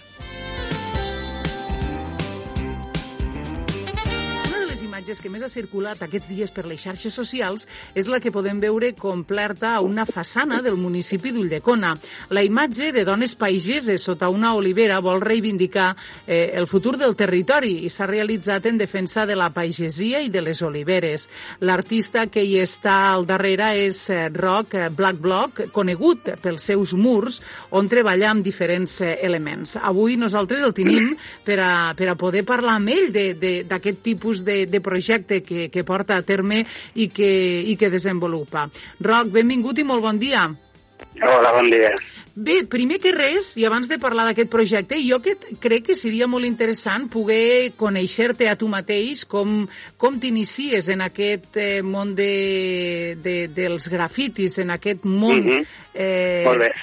de l'artista. Sí, mira, jo eh, realitat ja l'any passat va ser, fa 20, va, van fer els 20 anys que vaig començar a pintar murals. La veritat és que dibuixar i m'he dedicat a les coses plàstiques tota la vida, eh, però bueno, això, a l'any 99 estava estudiant il·lustració i, i vaig coincidir a classe amb un, amb un noi que pintava murals grafitis des de feia temps i, bueno, i aleshores eh, ens vam juntar, vam començar... Ell em va convidar a col·laborar amb ell i des d'aleshores eh, que n'ha parat. Uh -huh. Molts dels teus treballs es veuen per Barcelona. Aquí a les Terres de l'Ebre havies fet algun tipus d'intervenció mai d'aquestes característiques? Doncs sí, en els últims anys eh, sí que n'he fet alguna. Aquí a Vilaplana mateix tenia alguna, alguna peça així petita, eh, algunes molt antigues, de fa igual uns 17 o 18 anys que jo calculi, i, però bueno, eren peces així més de, per passar l'estona una mica i després sí que vaig intervenir un parell de cops a Tortosa a la plaça, és que no recordo el nom, però és la plaça on està l'Escola d'Art i Disseny. Uh -huh. Vaig fer una intervenció doble mural i després també al Bosc de Ribera, em sembla que és a, a la zona de Tortosa. I també vaig col·laborar al Delta Birding Festival, però va ser una cosa efímera i mòbil, però, però bueno, era aquí al territori. Uh -huh. Jo fa prop de 20 anys que vaig deixar en Cono, soc de Barcelona, però la meva parella és, és d'aquí, i aleshores, bueno, doncs això, he anat deixant i tots aquests anys doncs, he establert aquest vincle i aquest carinyo per les Terres de l'Ebre. D'acord, o sigui, tens vincles a les Terres de l'Ebre i, per lo tant, ja no és tan estrany poder veure els teus treballs eh, per aquí, tal com, eh, tal com tu comentaves. De, Roc, explica'ns una mica com comencen aquest tipus de projectes, perquè, clar, sabem que l'entitat Salvem-lo Montsià va contactar amb tu perquè, perquè es portés sí. a terme, no? Però com s'enceten aquests projectes? Mira, la veritat és que eh, hi ha molts tipus de, de projectes diferents i cadascun té les seves característiques. Eh, no és el mateix col·laborar o participar en un festival o en una intervenció gestionada per una àrea de cultura d'un ajuntament que fer-ho per una entitat, eh, per una entitat eh, com Sabem la Montsià. Aleshores, jo crec que això, cada un d'alguna manera té les seves particularitats. Normalment el que hi ha és una inquietud, eh, sigui social i reivindicativa com la de Salvem la Montsià, o sigui, doncs això, a nivell cultural o d'acció, això, d'oci de les àrees de cultura, i a partir d'aquí es comença a construir es comença a construir a donar-li forma. Uh -huh. Pensa que hi ha molts elements que juguen, que juguen i que intervenen eh, per fer possible per fer possible una intervenció d'aquestes que passa des dels permisos de l'Ajuntament d'ocupació de la via pública fins a tenir el, el permís i consentiment dels propietaris, tenir la paret, i després tenir el, el finançament i els recursos suficients perquè encara que es redueixi al mínim doncs hi ha una sèrie de despeses eh, com és la, el lloguer de la grua que utilitzem i així que eh, pues això, que s'han de, tenir, de tenir preparats i per tant és com això, una triangulació de, de circumstàncies que s'han d'alinear totes i s'hi ha de treballar fort uh -huh. com ho hem fet el cas de Salvem l'Anuncia per, perquè puguin veure llum. Clar, evidentment, a part de, del projecte que, que et demanen, pues després eh, existeixen tots aquests elements que de vegades no me'n recordem, no? Aquests permisos, aquesta grua, aquests altres suports per a que tu pugues eh, desenvolupar tota la teva imaginació. Què és el que et van demanar, Salvem-lo Montsià? Ells eh, et van presentar una foto? Com, com va sorgir aquesta idea? Eh, jo havia fet una petita col·laboració amb un altre projecte eh, de fer com un conte explicant per la canalla el tema de les oliveres i, bueno, va com sensibilitzat amb el tema, com crec que ho hauria d'estar qualsevol que, que corri per aquestes terres. I, i aleshores, bueno, ells ja, alguna de les persones amb les que vaig contactar ja coneixen la meva obra, sabien que tenien també un, un interès especial en temes històrics i així, i ells tenien constància d'aquest eh, fons documental tan interessant que és el que hem treballat, que és de Joan Turlí, que és un, un, un veí de Ulldecona que als anys 40 va marxar cap a, cap a Anglaterra, deixant al seu darrere eh, un material documental pues això, del que és la jazilla, les festes populars de, de tota la zona, i això va quedar aquí una mica per, per això coincidís en positiu. Hem tirat aquestes fotografies i això, eh, això és el que hem vingut a pintar. Eh. Dels anys 40, que em sembla que això, també hem intentat triangular diferents conceptes. Uh -huh. El tema de les oliveres i la pagesia fins a la recuperació de la memòria històrica i el passat una mica comú, no? Aleshores, doncs això, hem intentat eh, en una sola imatge explicar tots aquests tot aquest concepte. Heu tingut que buscar moltes imatges o vau aconseguir aquesta i vau dir esta és la, la que ho plasmarà? Perquè suposo que per això també eh, heu pogut veure no? aquest eh, fons del senyor Sorlí, com comentaves? Sí, bueno, aquí hi ha hagut una, una primera selecció de Sabem la Mancià, eh, que ja d'alguna manera van descartar totes aquestes fotografies que la temàtica o el que fos no ens interessava i després eh, doncs jo li he fet una mirada a tot aquest material documental una mica més tècnica o més artística perquè potser una fotografia pot ser molt interessant però no és viable dur-la al format mural. I en canvi altres que potser poden passar més desapercebudes doncs eh, fent-li una adaptació correcta i tal doncs pot funcionar molt bé. Aleshores van anar passant com diferents filtres, vam anar descartant materials perquè ens vam quedar doncs, amb, la, amb la imatge que ens semblava més interessant. Mm -hmm. I, I aquesta és la que ha sigut. Que hi ha un tema de reflectia tot, reflectia l'acció i el vincle amb les lideres, eh, eren dones treballadores que moltes vegades eh, doncs, eh, en el pas del temps van quedant en l'oblit doncs, que totes aquestes tasques moltes vegades les han dut a terme amb, amb això, uh -huh. les dones, no? Aleshores, eh, bueno, doncs això, finalment va quedar aquesta com la, com la candidata perfecta per, per aquesta intervenció. Has tingut molta expectació durant aquest cap de setmana perquè recordem que el treball es va començar divendres, eh, sense parar, fins ahir diumenge. Eh, has tingut molta expectació? Sí, la veritat és que ha sigut una mica de, un, un aconteixement al poble. Jo crec que sempre que fan intervencions d'aquestes generes un impacte. Eh, el bonic treballar en un, en un ambient no urbà, així tan massificat com pugui ser Barcelona les grans capitals, és que, és que perceps, perceps el, el, el reacció de la gent en viu i en directe tota l'estona. Hi ha hagut molta gent que ho ha celebrat molt i que han suggerit que això podia ser el començament que s'havien de fer moltes més intervencions i bé, ha sigut molt bonic. I després mm. el fet que tothom reconegués d'alguna manera que, que la imatge que s'estava representant no era una imatge així com gratuïta i aleatòria, sinó que era algo que generava també un, això, no? Un veure si reflectir, pensar, ostres, doncs, eh, aquestes dones pod podrien ser de la galera o són d'Ulldecona mateix, o bueno, s'ha començat com a generar tot un, un, un debat i un recuperar recuperar els passats i, i ha sigut molt bonic. Per què se sap? Això és el que m'ha arribat a mi. Suposo sí. que si hi ha algú que no li ha agradat no m'ho ha fet arribar, però crec que en general sí. ha sigut molt ben rebut eh, l'acció. És, és curiós perquè nosaltres, que també som d'un poble d'un poble agrícola, eh, moltes vegades amb aquestes imatges reconeixem no? les, les nostres àvies quan anaven a, uh -huh. a, a treballar al camp. Se sap qui eren aquestes dones i d'on eren? Eren d'Ulldecona o no? Doncs eh, la veritat, eh, i no soc qui més ha seguit el fil perquè tampoc conec la gent del terreny i així, però eh, crec que no eren d'Ullidecona mateix. Si el fotògraf sí que era i devia ser de més o menys a prop, però bueno, s'estava comentant per aquí i es feia això també de, de contrastar una mica l'aspecte i la cara i veure si hi havia alguna concordança. I així em sembla que és qüestió de dies que s'acabi localitzant, perquè aquestes coses generen molta curiositat mm -hmm. i com estem parlant de molta proximitat, no m'estranyaria que, que acabem, acabem sabent amb noms i cognoms qui són aquestes dones. I tant. Eh, mm, Roc, moltes vegades eh, l'art urbà es caracteritza no, per aquesta vessant reivindicativa. Moltes vegades associem pues, a, a, els grafitis no, a imatges sense cap tipus de sentit, però en aquest cas el treball és, eh, és, és un treball magnífic perquè és la plasmació també, i, i molt realista, no? perquè és la plasmació d'una imatge, d'una fotografia. Mm -hmm. Mira, jo, en realitat, el, el tema de l'art urbà és allò de tants caps dels barrers. Vull dir, hi ha tantes maneres d'afrontar les obres i les intervencions com artistes, no? I cadascú, d'alguna manera, jo crec que el que acaba fent, com en totes les accions artístiques, és eh, expressar el seu sentit la seva forma de veure.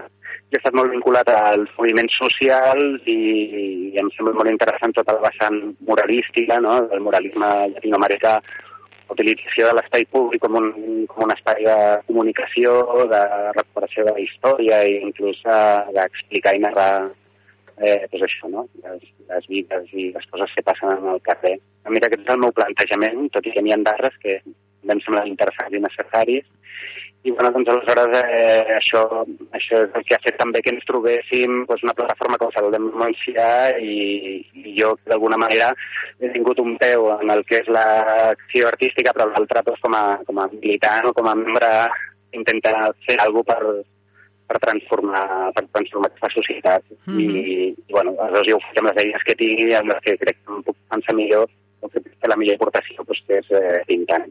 Què és el més complicat quan fas treballs d'aquest tipus, no? Aquests treballs amb, amb grafiti, què és el més difícil? Mira, això també és una mica, com el que deia abans, de tants caps, tants barrets. Cada projecte és una història i és una aventura i jo la veritat és que la furgoneta cada vegada hi vaig afegint més coses de materials que em vull endur en base a... Ostres, m'he trobat una branca que em molestava i no tenia una tisora de podar. La tisora de podar ja la feia per properes ocasions. Però sempre et trobes doncs, que ha un cable que m'impedeix accedir còmodament o que l'entorn és eh, complicat, o que passa gent, o que dona el sol. La veritat és que això, que, que és un, un dels inconvenients, però també és un del, de les avatures o de, les, de les de, d'aquesta professió i és que cada projecte és una aventura i és un, és un repte i no saps mai en què, què et trobaràs. Mm -hmm. Però fins a la data sempre, sempre això, sota pressió, com si digués favoritos de l'enginyer que vas trobant la manera de, de, de tirar endavant. Uh -huh. eh, Salvem lo ha confiat en tu. De fet, eh, són, eh, abans ho comentàvem, no? és una entitat ecologista, però de vegades també hi ha ajuntaments que, que confien alguns dels seus treballs i alguns de, dels seus murals a gent com vosaltres, a, a artistes com vosaltres que us hi dediqueu. Eh, ha crescut això? Creus que, que cada cop hi ha més interès eh, precisament per, per la vostra feina? Sí, home, jo crec que a poc a poc eh, eh, es van... Primer van certs prejudicis, no?, que quan si parles la gent de un mural de seguida pensa pues, allò amb un vagó de metro pintat, amb unes lletres o amb alguna cosa que, que no li genera interès, i a mesura que vas fent coses que la gent, i que pots ensenyar que estàs parlant i no explicar i dir, mira, és que jo el que estic parlant és de fer alguna tipus això, i ensenyes una intervenció, doncs, espero que passi amb aquesta vida, doncs que el pugui mostrar a diferents eh, gent interessada i que sigui una mostra, no? Aleshores, mm això, crec que per un cantó es van tombant aquests prejudicis i crec que també va evolucionar una mica la forma d'entendre la, la ciutat o el poble i, i, i l'acció que, hi, que hi tenim els, els veïns i les veïnes. No? Aleshores, crec que a poc a poc eh, anem entenent que, que l'espai públic eh, no és només el que hi ha entre casa teva i casa meva, sinó que és justament la casa que, i és aquest espai que compartim i que per tant també l'hem de sentir com a casa nostra. No? Jo sempre explico que quan si jo m'allotjo en un hotel estarem en una habitació que serà totalment neutra, allà no hi ha res que identifiqui i al cap de dos dies entra una altra persona i serà el mateix. Quan jo entro en una casa o en un pis i vull fer meva, el primer que faig és decorar-la. Aleshores crec que hem de pensar que la ciutat és casa nostra i hem de decorar una mica a gust de tothom. Mm -hmm. Ser agradarà més una idea o una altra, però bueno, d'entendre això. Espai públic i els ajuntaments i les administracions com aquells que d'alguna manera poden generar els recursos perquè els veïns i les veïnes, doncs això, eh, fem nostra la ciutat, ens hi podem veure reflectits al, als carrers i podem utilitzar les nostres cases doncs, com a, això, a vehicles de, de comunicació de les nostres inquietuds i les nostres sensibilitats. Roc, tens previst fer més intervencions aquí al territori o de moment aquesta és... No sé si hi ha més projectes. Mira, eh, la veritat és que feia molt de temps que anava o que teníem ganes d'una intervenció d'aquestes característiques i jo, com crec que ens passa la majoria dels que fem això, no veig cases sinó que veig parets i vaig veient possibles projectes eh, allà on vaig i, i això jo desitjo i espero i crec que, que serà així, que, que això no és un punt final o un, un culminació d'algú, sinó que tot això és el principi sigui el Pintillo o altra gent, el que sigui, espero que això, no? que això sigui un incentiu perquè vagin apareixent noves intervencions. I jo com a autònom i persona que viu de l'art, doncs això, estic en, la, en aquesta trinxera de, i en aquests moments difícils pues, de, de tirar endavant. D'acord. O sigui que això, espero que... I, i la veritat és que per aquest vincle jo, si és les Terres de l'Ebre, que em sembla una, bueno, això, una zona fantàstica, doncs això, espero que, que pugui anar deixant empremta també i, i, i anar fent cosetes. Eh, esperem que sigui així. De fet, les imatges són fantàstiques, es poden veure per les xarxes socials, a, al Facebook de Salvem-lo Montsià. Hi ha un recopilatori també de totes aquestes imatges i del resultat final. I, si la voleu veure presencialment, està a la plaça Diputació, darrere de la Casa de Cultura d'Ulldecona. Avui nosaltres hem parlat amb el seu artista, Roc eh, Black Block, que ens ha acompanyat aquí amb aquesta entrevista. Moltíssimes gràcies per tota aquesta feina i per tot aquest treball. Molt bé, doncs moltes gràcies a, a vosaltres per l'estona, per posar el micro i també per donar veu una mica a, a, a Salvem que potser és l'últim en arribar-hi, però bueno, espero que quedi, quedi ben, ben clar que aquest projecte ha sigut gràcies a ells.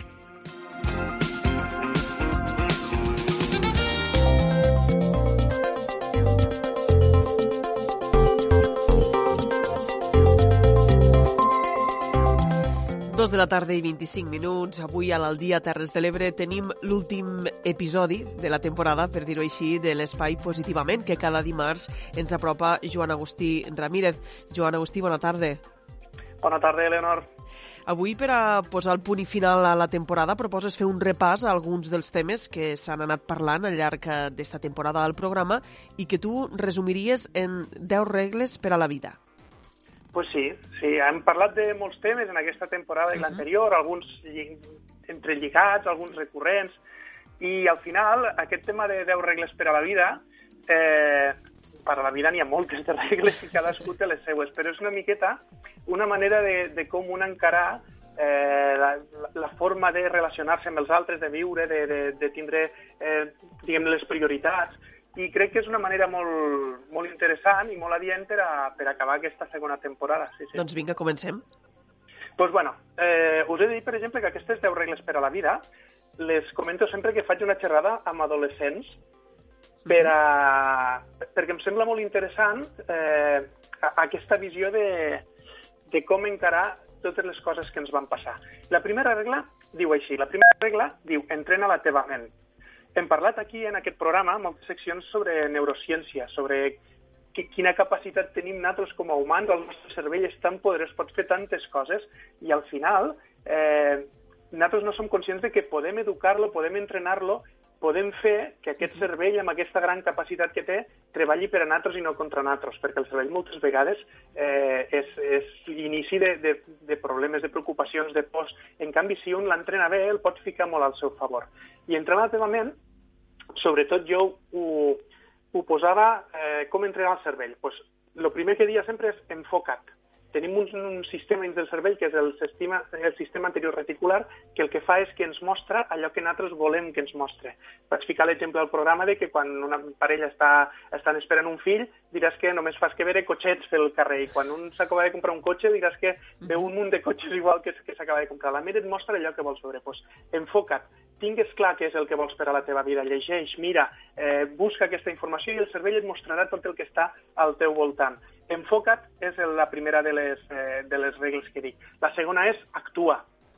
Moltes vegades es diu allò de que quan passa alguna s'ha de deixar passar el temps, que el temps ho cura tot. El temps no cura res, el temps no canvia res. Fer coses canvia les coses.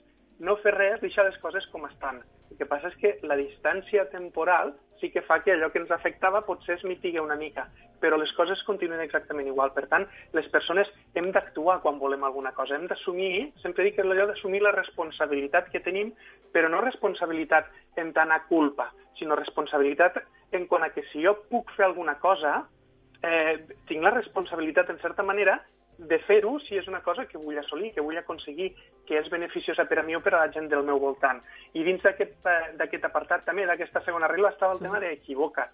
Vam parlar en el seu dia dels errors i de com estan quasi criminalitzat equivocar-se en aquesta societat.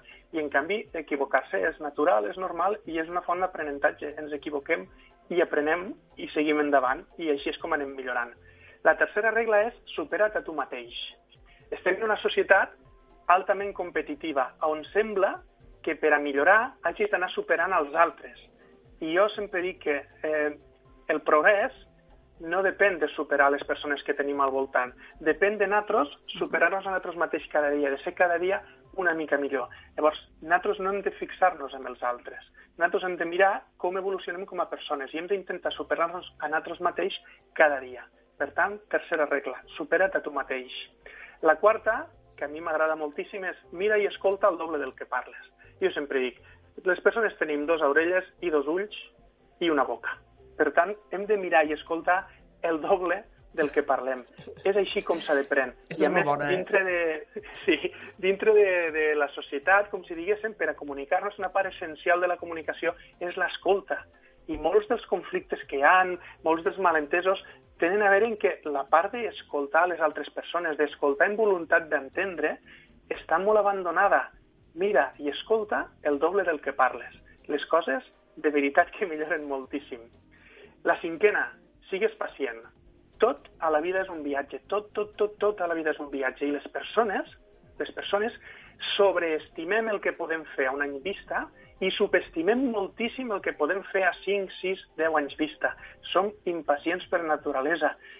En canvi, quan ens marquem un objectiu, si anem a poc a poc, si anem sense l'ansietat d'aconseguir-lo en un impàs de temps molt curt, acostumem a assolir i a disfrutar més del viatge aquest per assolir aquest objectiu. Hi ha una petita historieta, així és molt curteta i la fico, la historieta que sempre, que sempre que hi havia un, un noi que estava entrenant arts marcials allà a l'Orient i un dia va al seu mestre i li diu mestre, mestre, si jo vull arribar a ser tan bo com vostè, si em fico a entrenar 6 hores al dia, quan tardaré? I el mestre li diu, 10 anys. Diu, i si deixo de fer totes les altres coses que faig i l'únic que faig és menjar, dormir i entrenar i entreno 12 o 14 hores al dia, quan tardaré? Diu, 20 anys. Perquè fer-ho més, fer més hores, fer més, estar centrat, oblidar-te tot l'altre, no, no, les coses tenen un procés. Al final, la definició que més m'agrada de paciència és, la paciència és respectar el ritme natural de les coses. No té que veure en esperar, ni en desesperar, ni en dilatar en el temps exageradament. Té que veure en respectar el ritme natural de les coses. I quedeu amb la idea que us he dit. Les persones sobreestimem el que podem fer a curt plaç i subestimem molt el que podríem fer a llarg plaç. Regla número 6. Troba la teva passió. Tots tenim algo que ens apassiona, que ens encanta, que ens agrada, que ens fa vibrar.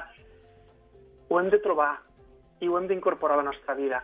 Moltes vegades no és possible convertir la nostra passió en la nostra professió, que seria lo ideal. Si un se pot dedicar a allò que l'apassiona, és fantàstic però sí que si un té una cosa que li agrada molt, sigui la música, sigui la lectura, sigui alguna disciplina eh, científica X, o sigui un esport, o sigui, ho has d'incorporar a la teva vida com a hobby, eh, llegint sobre el tema, eh, adquirint informació per qualsevol altra via, ho has d'incorporar. Hem de tenir la nostra passió a la nostra vida, perquè això ens fa viure d'una altra manera. La setena regla és una de les més importants. No jutgis. I sempre dic no jutgis i fico un parèntesis a les persones. Les persones no podem evitar jutjar, però és molt diferent jutjar un fet, jutjar una actuació, que jutjar una persona. Les persones ens equivoquem, com deia abans, i no s'ha de criminalitzar. Però més, això ho vaig comentar en un programa en el que parlava de l'educació amb els fills. I moltes vegades és allò que nosaltres eduquem i diem ets això, o ets allò, o ets un vago, ets un, un no sé, maleducat, ets un i això va estigmatitzant a la persona, va adquirint un paper, va marcant. Si, en canvi, si no jutgem a la persona, sí que podem jutjar el fet. Això que has fet està malament per això, per això. O quan te comportes així, el que estàs fent és deixant, no, no fent-te responsable del que has de fer i ho estàs allargant. Això és no jutjar la persona. Podem jutjar el fet, però no la persona. Amb les persones hem de ser completament eh, flexibles i oberts per a que la relació, que és el més important que tenim, no quedi tocada. Regla número 8. La dic així. Mai és bon moment per fer el que està malament i mai és mal moment per fer el que està bé. Moltes vegades ens trobem en situacions a la vida en què no sabem com reaccionar o no reaccionem bé, ne som conscients i després, sigui per vergonya, sigui per por, sigui pel que sigui, ens costa reconèixer o reendreçar o agafar i, i rectificar el que hem fet. Quan un s'equivoca, s'equivoca mai és mal moment per fer el que està malament, però a vegades passa. Però tampoc mai és mal, eh, mai és mal moment per fer el que està bé. És a dir, que sempre hi ha temps per a fer el que està bé, encara que sigui corregir un error del passat. Regla número 9. Aquest, mm, aquí utilitzo la, la fórmula que és ja arxiconeguda, que utilitza el, el Víctor Coopers, no sé si l'has sentit anomenar alguna vegada. No. El Víctor Coopers uh -huh. diu que el valor de qualsevol persona, que li diu V, és igual a parèntesis C més H tanca parèntesis per A.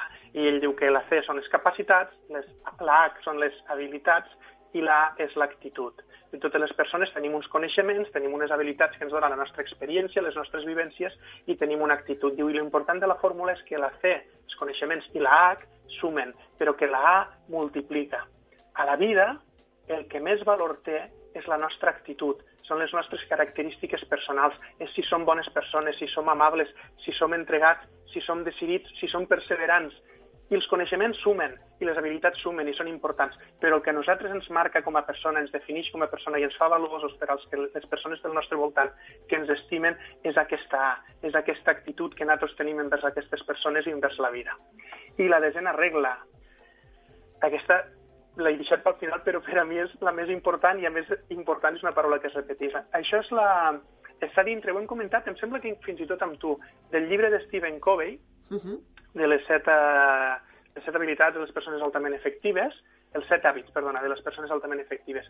I aquesta regla, regla diu que el més important és que el més important sigui el més important. Repeteixo perquè pareix un joc de paraules. El més important és que el més important sigui el més important. Les persones que en generalitat, en general tenen una vida plena i van felices i contentes, aquestes persones la seva vida la viuen amb l'ordre de prioritats ben establert. Jo no dic quin ha de ser l'ordre de prioritats, cadascú té el seu. Sí, però li has de dedicar un... Estem perdent, estem perdent la cobertura. No sé si t'estàs movent. No, no, no, estic fixe però estic al despatx. bueno, en qualsevol cas, dic que les persones que tenen eh, que, que van més felices en la vida, en general, tenen les prioritats ben definides i actuen i viuen en funció d'aquestes prioritats. Hi ha un, un mal molt a la societat que tots diem que el més important per a nosaltres són les persones eh, que estimem i la família, però en canvi el temps que els dediquem i l'esforç que els dediquem és molt inferior a moltes altres coses que quan miréssim les nostres prioritats possiblement estiguen molt més avall. Llavors, aquesta regla el que diu és estableix quines són les teves prioritats i viu en conseqüència a aquestes prioritats. I jo entenc que una persona, per molt que la família sigui el més important, segurament estarà més hores treballant que amb la família. Però després, tot allò que fa ha de tenir un sentit i ha d'estar vinculat a aquesta família.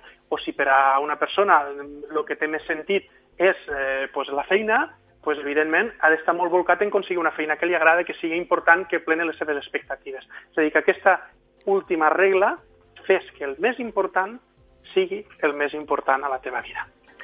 I, bueno, i aquestes són les 10 regles que el que us proposo és que si les seguiu, estic segur que en general tot us anirà molt millor. Doncs hem pres nota eh, d'aquestes 10 regles per a la vida que ens proposes avui, Joan Agustí. Hem esgotat el temps eh, per avui. Moltíssimes gràcies eh, per haver-nos acompanyat avui, sobretot durant tota aquesta temporada de l'Aldia Terres de l'Ebre, i esperem retrobar-nos després eh, de l'estiu. Fins al setembre i que tingués molt bon estiu, Joan Agustí. Bon estiu, Leonor.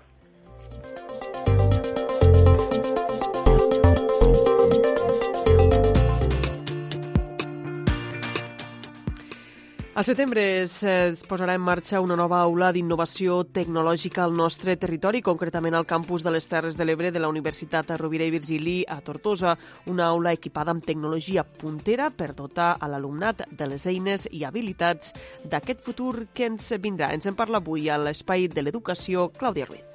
Així és, Leonor serà la segona que s'instal·la a la demarcació de Tarragona, però la primera de Catalunya que està vinculada amb una universitat. En volem parlar sobre aquest model educatiu amb el responsable dels graus d'educació del campus ebrenc, Josep Olgado. Bona tarda. Hola, bona tarda, Clàudia. Bé, s'anomena Reinvent the Classroom, no? les sigles RTC, però explica'ns què és i d'on sorgeix tot aquest moviment per posar-nos abans una mica en context. Bé, doncs, eh, la finalitat del projecte Reinvent the Classroom, tal com dius, aules RTC doncs són la creació d'entorns de, d'aprenentatge de caràcter innovador. És per aquesta raó perquè les que es proposa doncs, dissenyar, implementar i avaluar l'organització i l'estructura d'un model d'aula que interactua amb els recursos que hi haurà dins d'aquesta aula. Llavors, és un projecte que diferents eh, eh, empreses tecnològiques capdavanteres en aquest sector a, nivell mundial doncs, eh, han implementat en, en diferents països i eh, en el seu moment doncs, nosaltres ens vam interessar, no hi havia cap universitat que estés dins d'aquest projecte i vam proposar doncs, nosaltres ser un projecte pilot eh, en aquest aspecte per a que el nostre alumnat dels graus d'educació infantil i primària del campus de les Terres de l'Ebre l'oportunitat d'interactuar amb un aules d'aquest tipus. És una aula no? eh, amb tota aquesta tecnologia que diem puntera, no només ordinadors, hi ha altres eines no? de tecnologia. Sí, sí, sí. Hi ha altres tipus de, de, de tecnologies que s'adapten, però no és exclusivament. O sigui, nosaltres entenem la utilització d'aquestes tecnologies com un recurs més. També eh, és important, a banda de, de les tecnologies, les metodologies de caire innovador doncs, que, que es duen a terme a l'hora d'implementar les sessions de, de, de classe, no? d'ensenyament i aprenentatge a l'aula. I també és molt important l'estructura de l'aula, el disseny de l'aula i el material que, que, que tenim en aquesta aula. És un espai eh, d'innovació educativa, com t'he dit, però no només per, per als per, als, per a l'alumnat que la utilitzarà. En aquest cas, nosaltres eh, està adreçada als nostres alumnes, futurs mestres d'educació infantil i primària, estan en formació inicial, però per al nostre professorat també, no? professorat universitari també ho és.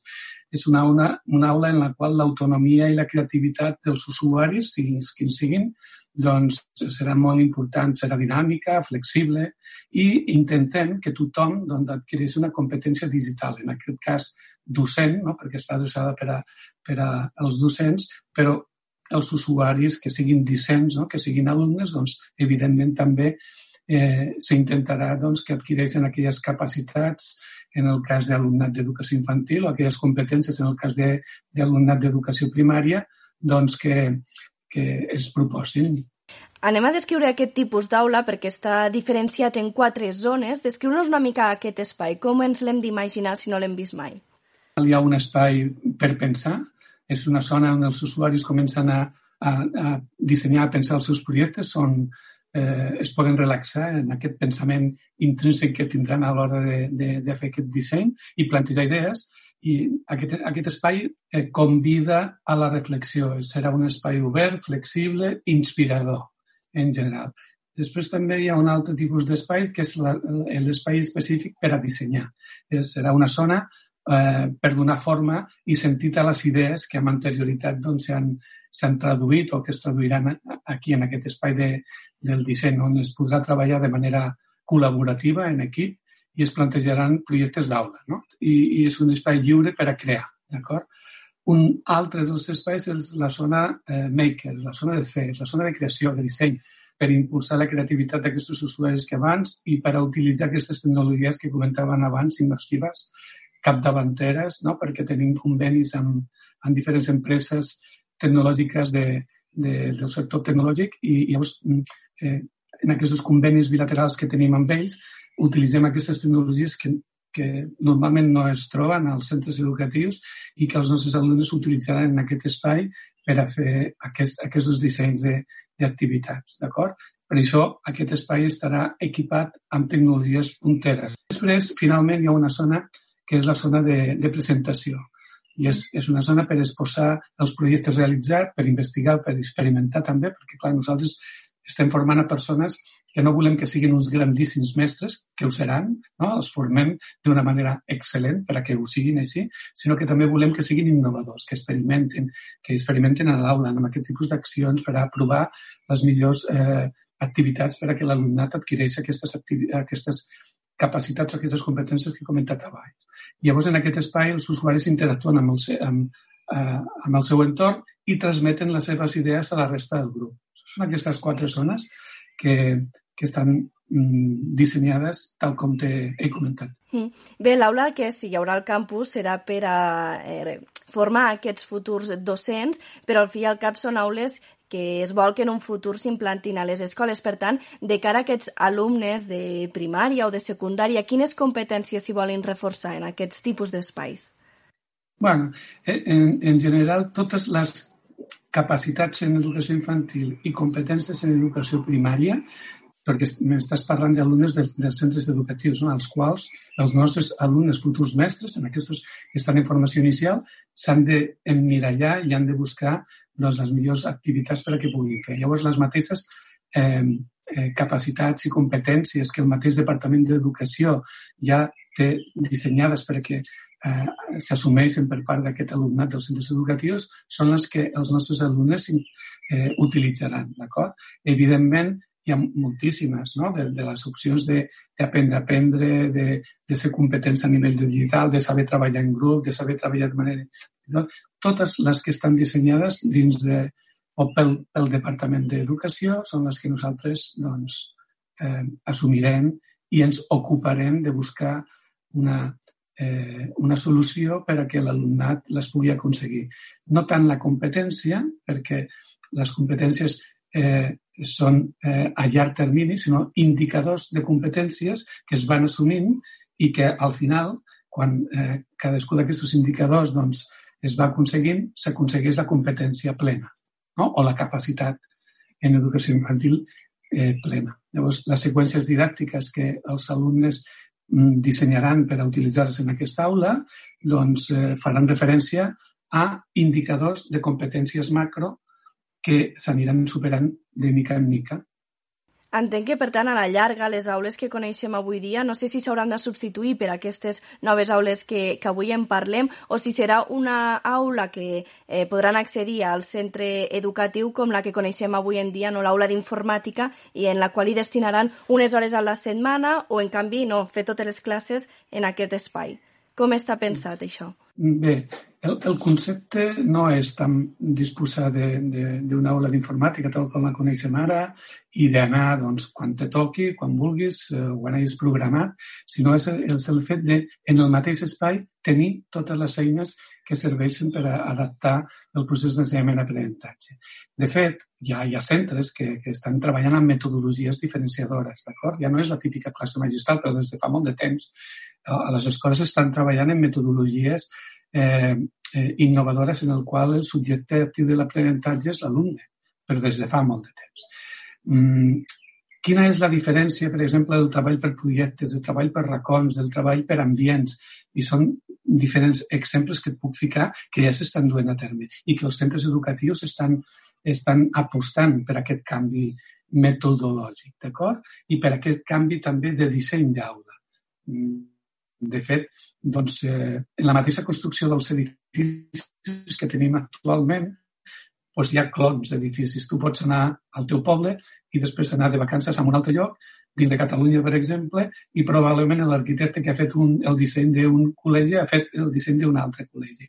I les estructures de l'aula doncs, són les, quan tu estudiaves i la que quan vas ara, doncs, probablement també te trobes aquest tipus d'escoles de, en la qual doncs, eh, estan les taules, les cadires dissenyades, ficades o bé eh, en diferents eh, eh, de, en, diferents, en el mateix espai però en diferents posicions, no?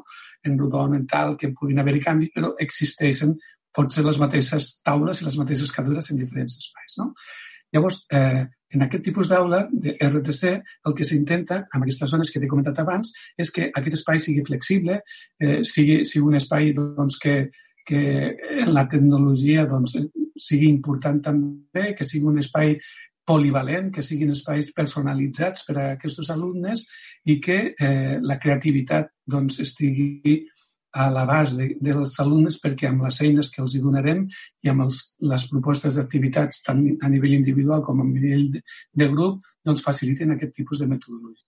La meva, el meu desig, entenc, és el, el que pugui tothom disposar d'aquest tipus d'estructures, de material, de mobiliari i, i de, de materials tecnològics, doncs si no es pot tenir tot, tampoc és que mm, no es pugui eh, dotar d'aquesta estructura d'aula, encara que sigui a nivell diferent, perquè les zones que t'he comentat abans, la zona per pensar, la zona per fer, la zona per presentar, poden tenir més o menys recursos. Òbviament, si tenen els que disposarà, disposarà per l'aula RTC del Campus Terres de l'Ebre, doncs eh, seria ideal, perquè estem, estem pensant en que actualment la tecnologia que nosaltres disposarem allà i els espais adaptats també, perquè en un moment pugui canviar-se tot. Tu ara imagina't en una estructura d'aula en la qual pugui haver-hi, doncs, eh, no sé, posicions en, en forma circular i eh, en, en 10 mm, segons pugui variar tot i puguis tenir un espai totalment buit en el qual has introduït algun tipus d'acció eh, per a poder realitzar eh, en aquell moment i no ha estat un hàndicap el fet ni, ni, ni són sorolloses els canvis d'aula, eh, perdó, d'aula, del, del mobiliari dins de l'aula, sinó que tu ho has fet.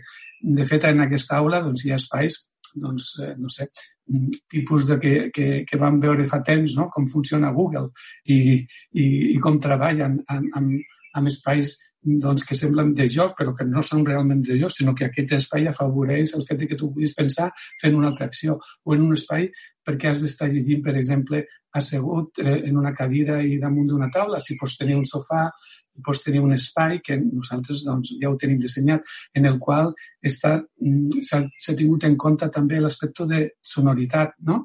de que eh, quan eh, doncs, tothom parli no hi hagi cap efecte redundant. S'ha tingut, fet, tingut en compte també l'efecte de la llum, que sigui la dient per a poder realitzar doncs, l'activitat en cada moment que puguis fer, que pugui haver-hi diferents espais, que puguin els alumnes escriure eh, a les finestres, a les parets, eh, que puguin escriure damunt de les taules, que puguin tenir eh, pissarres digitals interactives en el qual també es pugui veure, en, en aquest cas, eh, que puguin els nostres alumnes fer un disseny d'activitats i que tinguis allà alumnes no? petits d'educació infantil, d'educació primària, i que la resta d'alumnes universitaris estiguin en una altra de les aules i en una càmera 360 puguin estar veient doncs, com ho fan els seus companys i puguin estar prenent nota de crítiques constructives, no? que és com s'aprèn, i que tot això es, es pugui doncs, gravar per a, a fer un aprenentatge in situ indirecte d'una manera sincrònica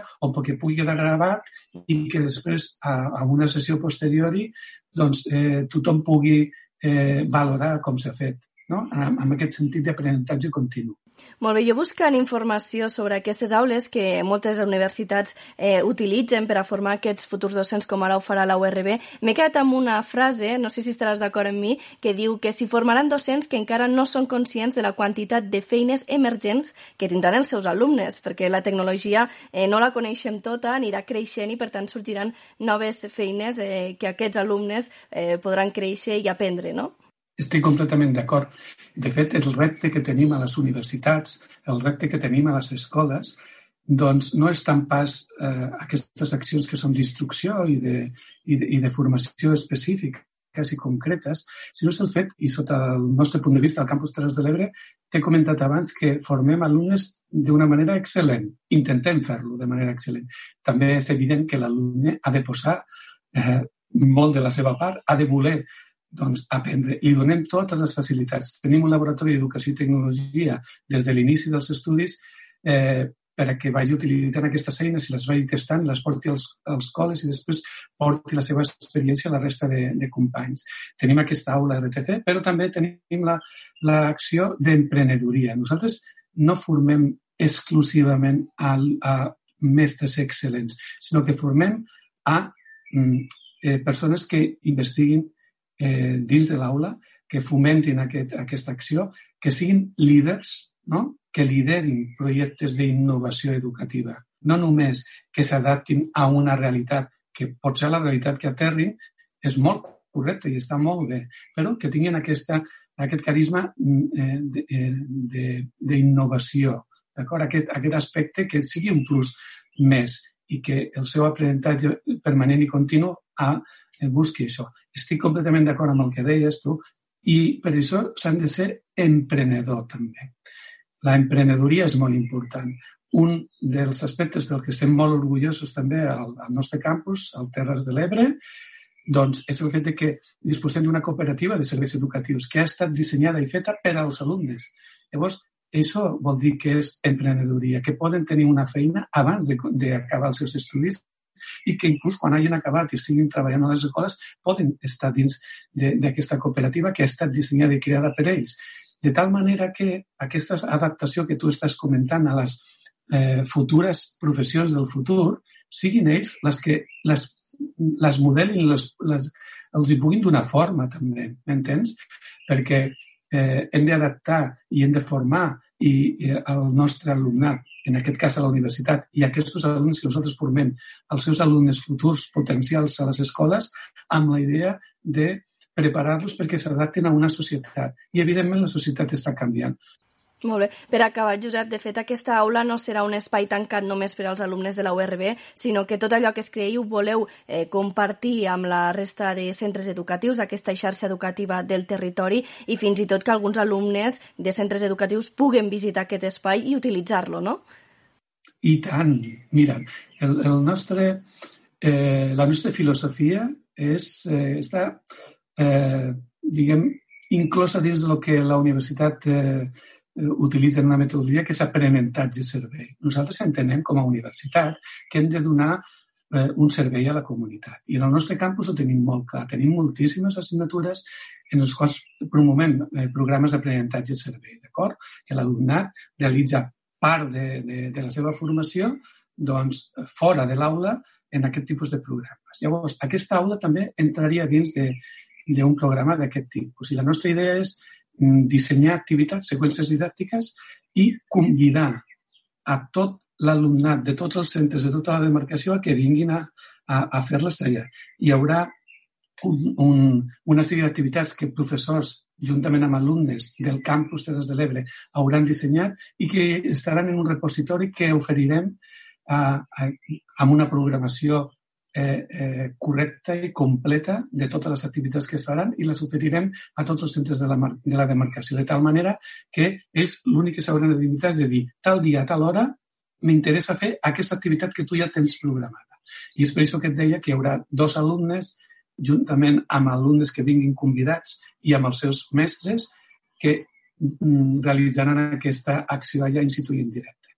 D'acord? I també tenim la idea de eh, tenir doncs, a l'espai web que ja tenim dissenyat, un espai en el qual les, els centres educatius ens demanin eh, productes fet a mida, que nosaltres farem a mida. Ens interessa un tema en concret, d'acord? Una acció o treballar una competència o una capacitat específica d'una manera diferent. Llavors nosaltres farem aquest disseny fet a mida i doncs, eh, convidarem aquests alumnes perquè puguin venir a gaudir d'aquests espais. Però no només això, juntament també, això oferirem a tots els centres educatius. Al Departament d'Educació també li, li hem ofert i, i, i, i la, el fet de fer un conveni bilateral d'acord? Per a formar el, eh, o per a que aquesta aula pugui servir també en el procés de formació permanent i contínua que tenen eh, dins del Departament d'Educació, en aquest cas dels serveis territorials de les Terres de l'Ebre entenem que és una oportunitat per a tothom, d'acord? Perquè tothom aprenem aquí. Aquest és un win-win, eh? Tothom és una simbiosi. Tothom aprenem de tots, no? I aquesta és la idea. I el nostre sentiment és aquest sentiment col·laboratiu, de compartir, d'oferir, no? I també d'aprendre, perquè aprenem en cada moment, d'acord? I d'un alumne de 3 anyets i d'un company que tingui 60, d'acord?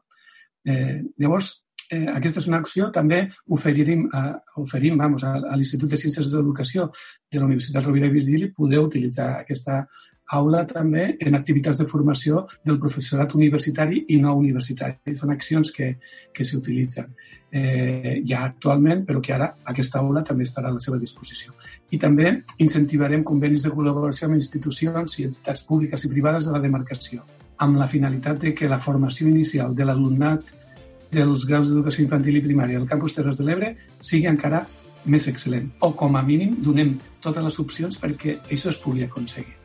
Doncs això esperem que pugui ser possible amb aquesta posada en marxa de l'aula RTC Reinvent de Classroom al campus Terres de l'Ebre de la Universitat Rovira i Virgili, que ens ha explicat avui Josep Olgado, que és el responsable d'aquests eh, graus i postgraus d'educació al campus Ebrenc. Moltes gràcies i fins la propera. Moltes gràcies a tu per tenir o disposar de l'oportunitat de comentar-lo perquè entenem que és una acció doncs, que esperem que sigui d'interès per a tothom.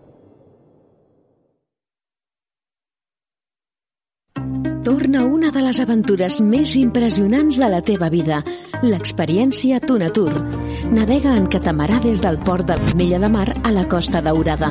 Dona de menjar a centenars de tonyines roges salvatges i neda entre elles. Practica snorkel i submarinisme i degusta la millor tonyina roja al mig del mar. Una experiència didàctica i gastronòmica en família. Informació i reserves a tuna-tour.com.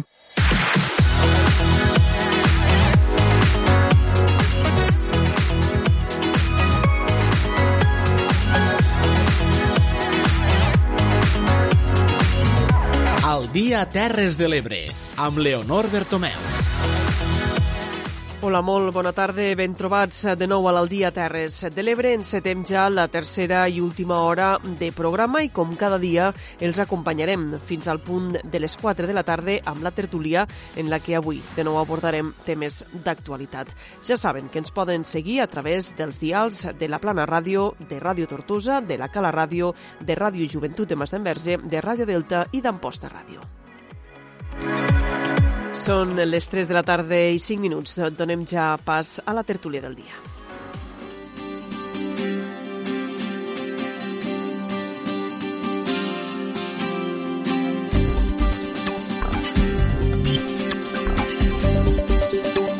Al dia, la tertúlia. Obrim ja espai per a la tertúlia, saludant els nostres convidats d'avui. Tenim per una banda, Dolors Ro, presidenta d'Òmnium Cultural Ebre. Dolors, bona tarda. Hola, bona tarda. També tenim a Marc Marc, professor i secretari general de Comissions Obreres a les Terres de l'Ebre. Ara ho hem dit bé. Marc, bona tarda. Soc una, soc, soc una mica de tot. Bona tarda, bona tarda. I també tenim a Antonio Ollés, alcalde de Santa Bàrbara. Bona tarda i benvingut a la tertúlia. Hola, hola, bona tarda a tots.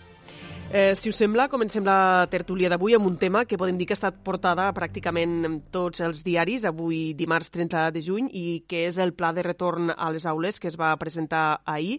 El govern ha anunciat una inversió addicional de 370 milions d'euros per a la, contracta la contractació de 5.200 més i també per afrontar la transformació tecnològica del sistema educatiu.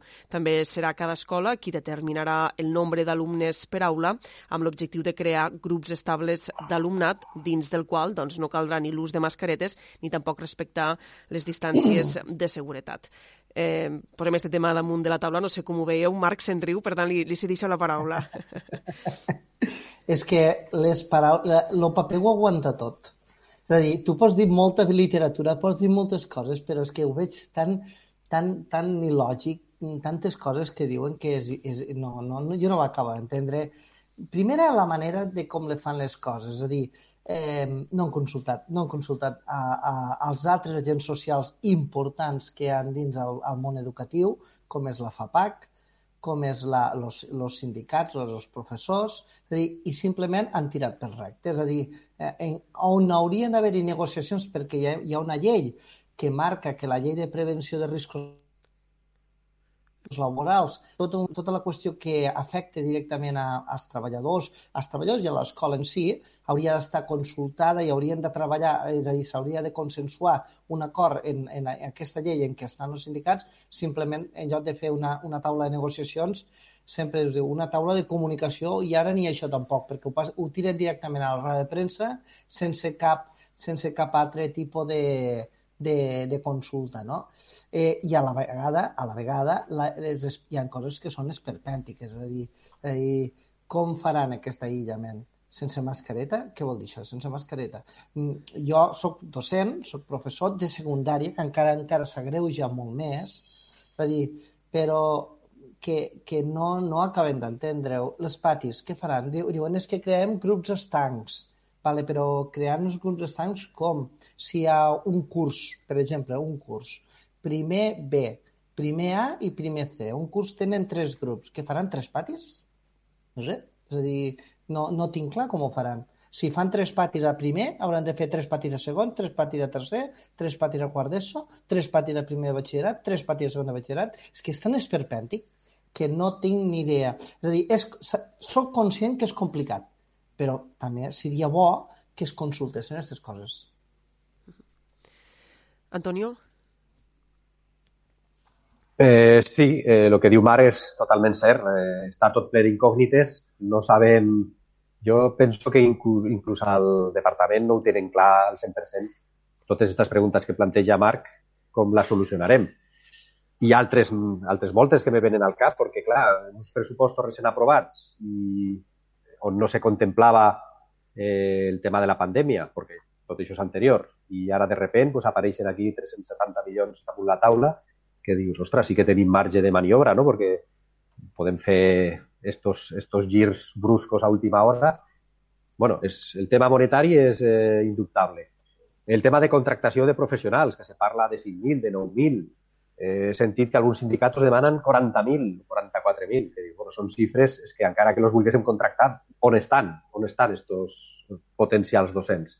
Jo trobo molt difícil que los, que los poguessin trobar, encara que tinguessin els diners i la voluntat de contractar-los. Després, el tema de les aules, clar. Eh, com, com mantenim grups estancs? Jo suposo que volen referir-se a que eh, no mesclar alumnes eh, per a fer diferents assignatures. O sigui, que el mateix grup d'alumnes vagin sempre junts.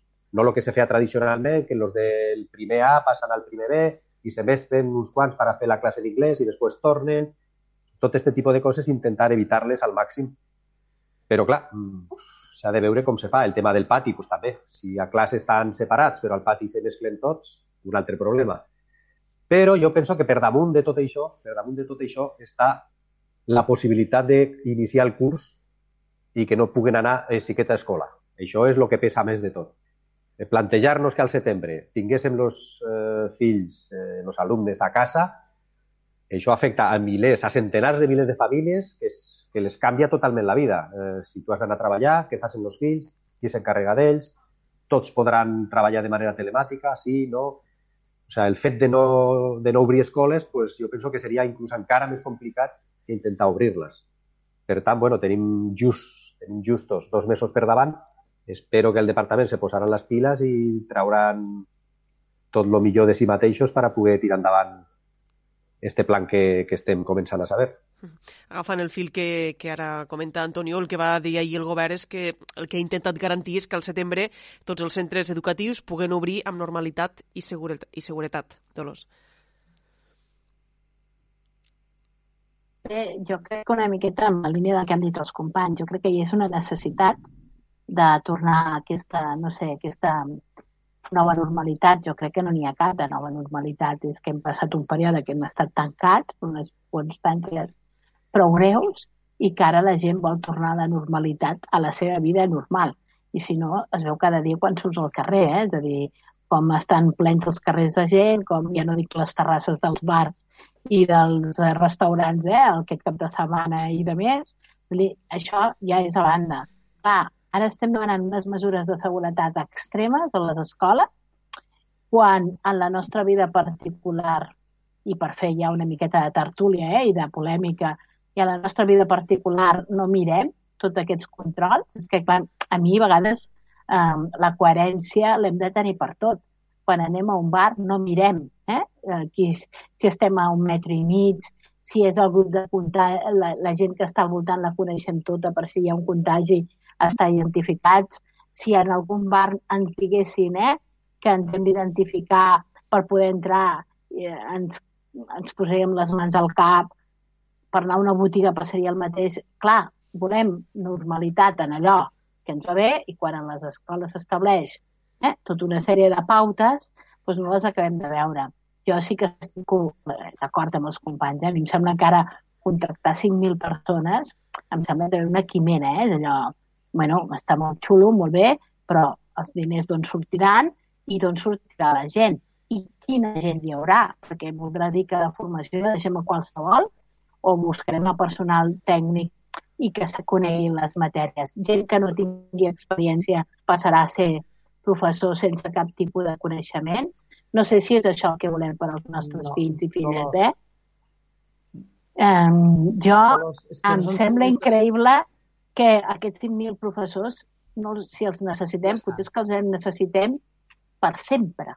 És a dir... És que, és que els tenim, aquests 5.000 professors. Pensa que a la borsa d'interins tenim una, una llista de 80.000 professors, és a dir, que no és que s'han de, de, de, de no, no són professors que no han exercit mai, però són eh, professors interins que estan, i dir, això no em preocupa. Jo considero que 5.000 són pocs, perquè a més a més sortia, és a dir, si, si han, de, han de desdoblar, perquè aquí el problema està en què, per una banda, lo marrón, és a dir, el problema important és la distribució que faran, la Generalitat se'n se, desentén i ho, ah, ja ho arreglaran els centres jo tinc constància que els equips directius tenen un problema, però no un problema, un problemón. Un problemón perquè resulta que no saben què fer. No ho saben. És que el problema és que no ho saben. I ens han dit, ah, no, això m'ho encarregueu vosaltres. Com que vosaltres? Vull dir, els, els alcaldes, els alcaldes dels pobles ho estan dient, no, no, és que igual teniu que buscar locals para, para, para donar classes locals. Que a veure, que, que una, una, un, un magatzem se pot convertir en una aula així com així? No pot ser. No pot ser. És a dir, que estes, estos grups estancs, com se, és a dir, de, què et garanteixen de, de seguretat de que no, no, no t'apegaràs? Si te n'anies a casa poden apegar. Jo, per exemple, no, me sorprèn, per exemple, que no hagués sentit, sentit res de proves de diagnòstic. És a dir, jo crec que, per exemple, seria molt més efectiu proves de diagnòstic que no crear grups estancs d'aquest tipus que no, no funcionaran. Dir, no, no, I en, en canvi d'això no em dic res. Però no funcionaran.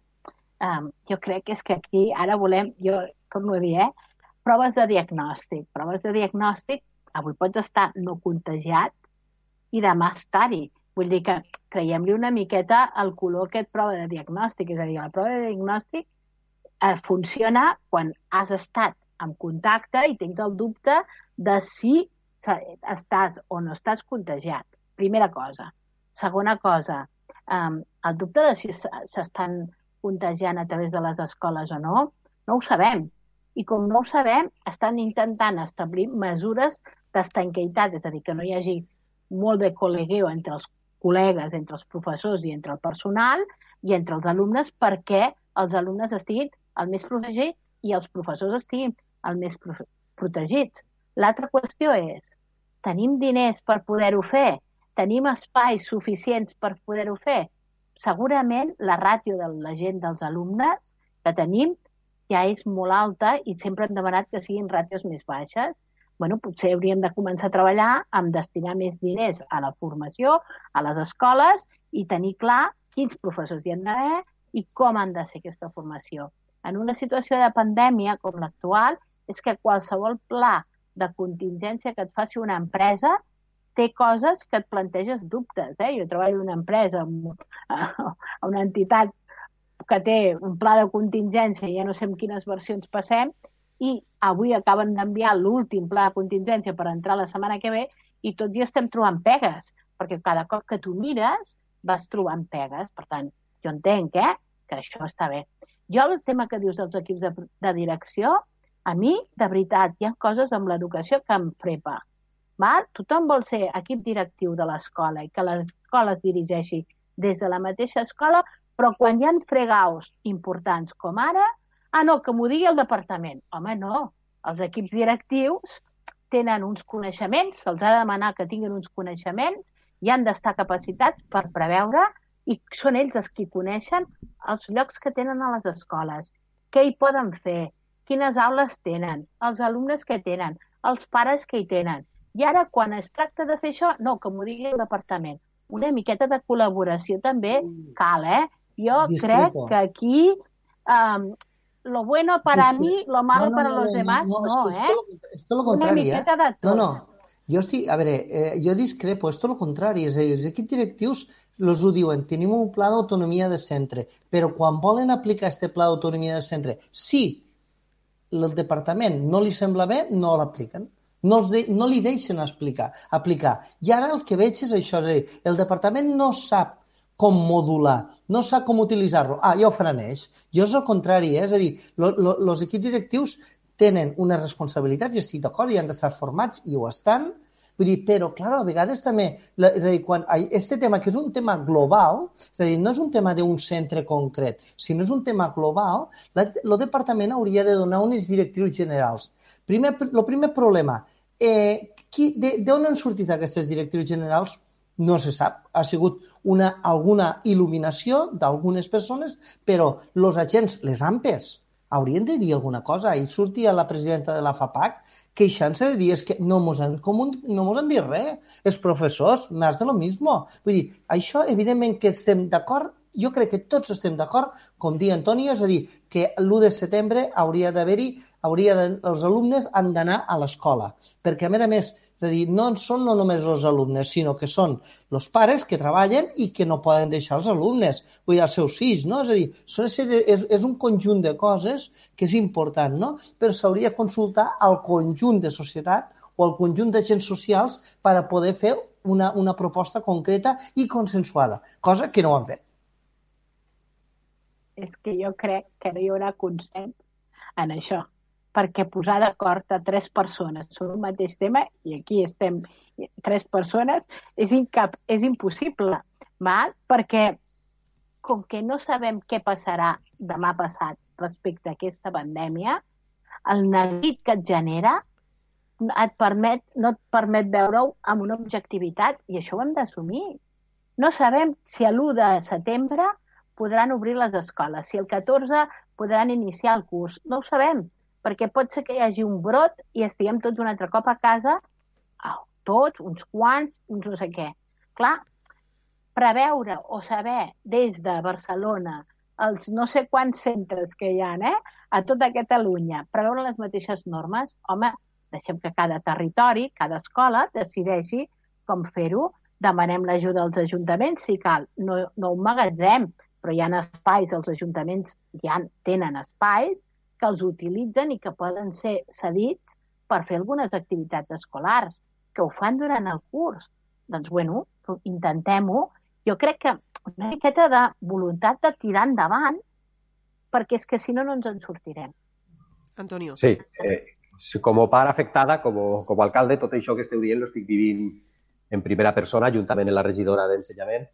Eh, us puc dir que a Terres de l'Ebre, en aquest sentit, som afortunats, perquè tenim baixa densitat de població, excepte les 3-4 ciutats més grans, tota la resta de pobles tenim escoles eh, prou amples per acollir els nostres alumnes.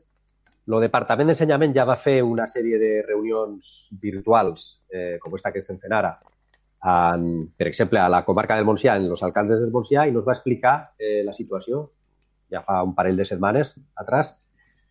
Bueno, ells han estudiat escola per escola, quantes aules hi han disponibles, el número d'alumnes, el rati d'alumnes per aula, quantes aules eh, fora de les habituals ya disponibles en el aula de música, en el aula de idiomes, en el aula d'informàtica, i lo tenen tot bastant estudiat. I tot sortia correcte, o sigui que no hi haurà cap problema, excepte dos, tres casos puntuals. Me sembla que era una escola d'Alcanar, una altra de Amposta. Mm, la resta de pobles no tenien cap problema. O sigui, no arribem al rati, tots estem per baix de los 18 eh, alumnes per aula, aules de 50 metres quadrats com a mínim, per tant, mm, en aquest sentit, eh, no haurem de recórrer a buscar espais alternatius, no? perquè això seria un problemón. Sí, clar, si a los ayuntamientos nos diuen teniu que buscar quatre o cinc aules, és el que comentava Marc al principi. Què se considera una aula? Has de tindre internet, has de tindre lavabos, has de tindre, no sé, pues, la calefacció a l'hivern, una sèrie de mitjans, no simplement una sala per a posar allí quatre taules i quatre cadires.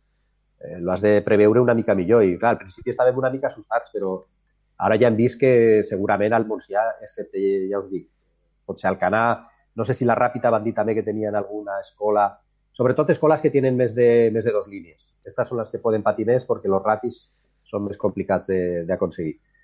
Però la resta no patirem gens. Eh, els pobles menudets no tenim cap problema. Alguna cosa més? No, eh, i l'altra cosa que, bueno, cosa que preocupa, suposo que preocupa és més que els alumnes, que segurament els alumnes ja queden demostrat que els menors, els menors de 18 anys pràcticament no hi ha hagut casos d'ingressats, eh? no vol dir que no hagin eh, estat contagiats, però pel que sigui, pel motiu que sigui, no els afecta tant la malaltia. El problema que hi ha aquí és que poden ser transmissors. O sea, els alumnes a classe pues, estaran la mar de bé, no tenen cap problema, però poden contagiar als mestres i quan arriben a casa poden contagiar pues, als pares o als iaios o a qui sigui. O sea, no és l'escola en si, sinó que l'escola pugui servir d'un lloc de, de, de contagi massiu. No? Suposo que el problema va per ahí. I és per això que voldran pues, mantindre-los separats. No sabem com, és el que hem dit abans, no sabem exactament com, però mantindre-los separats, si fora possible, el més temps possible, clar. Pensem que estem parlant de hi ha dos, diferents, hi ha dos, dos grups molt importants, és a dir, la gent de primària això és relativament fàcil. A la gent de secundària és molt més complicat. Per què?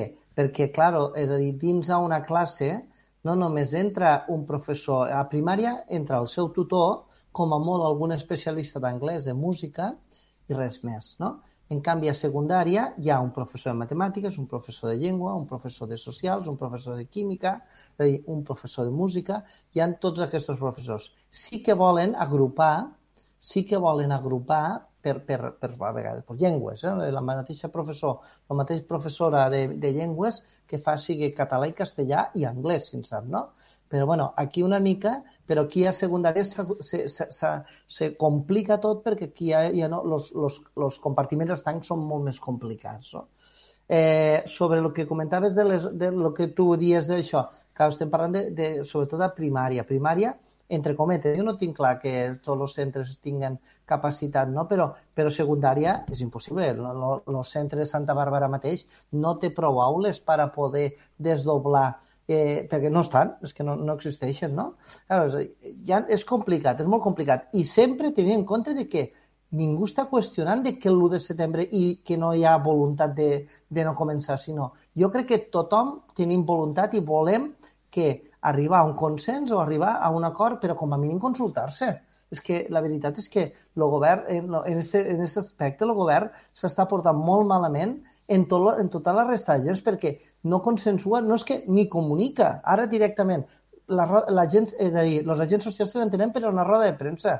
Molt falta de respecte en aquest sentit per part del conseller d'Educació. Si no es comuniquen entre ells, Bueno, com els que bé, tens tota la...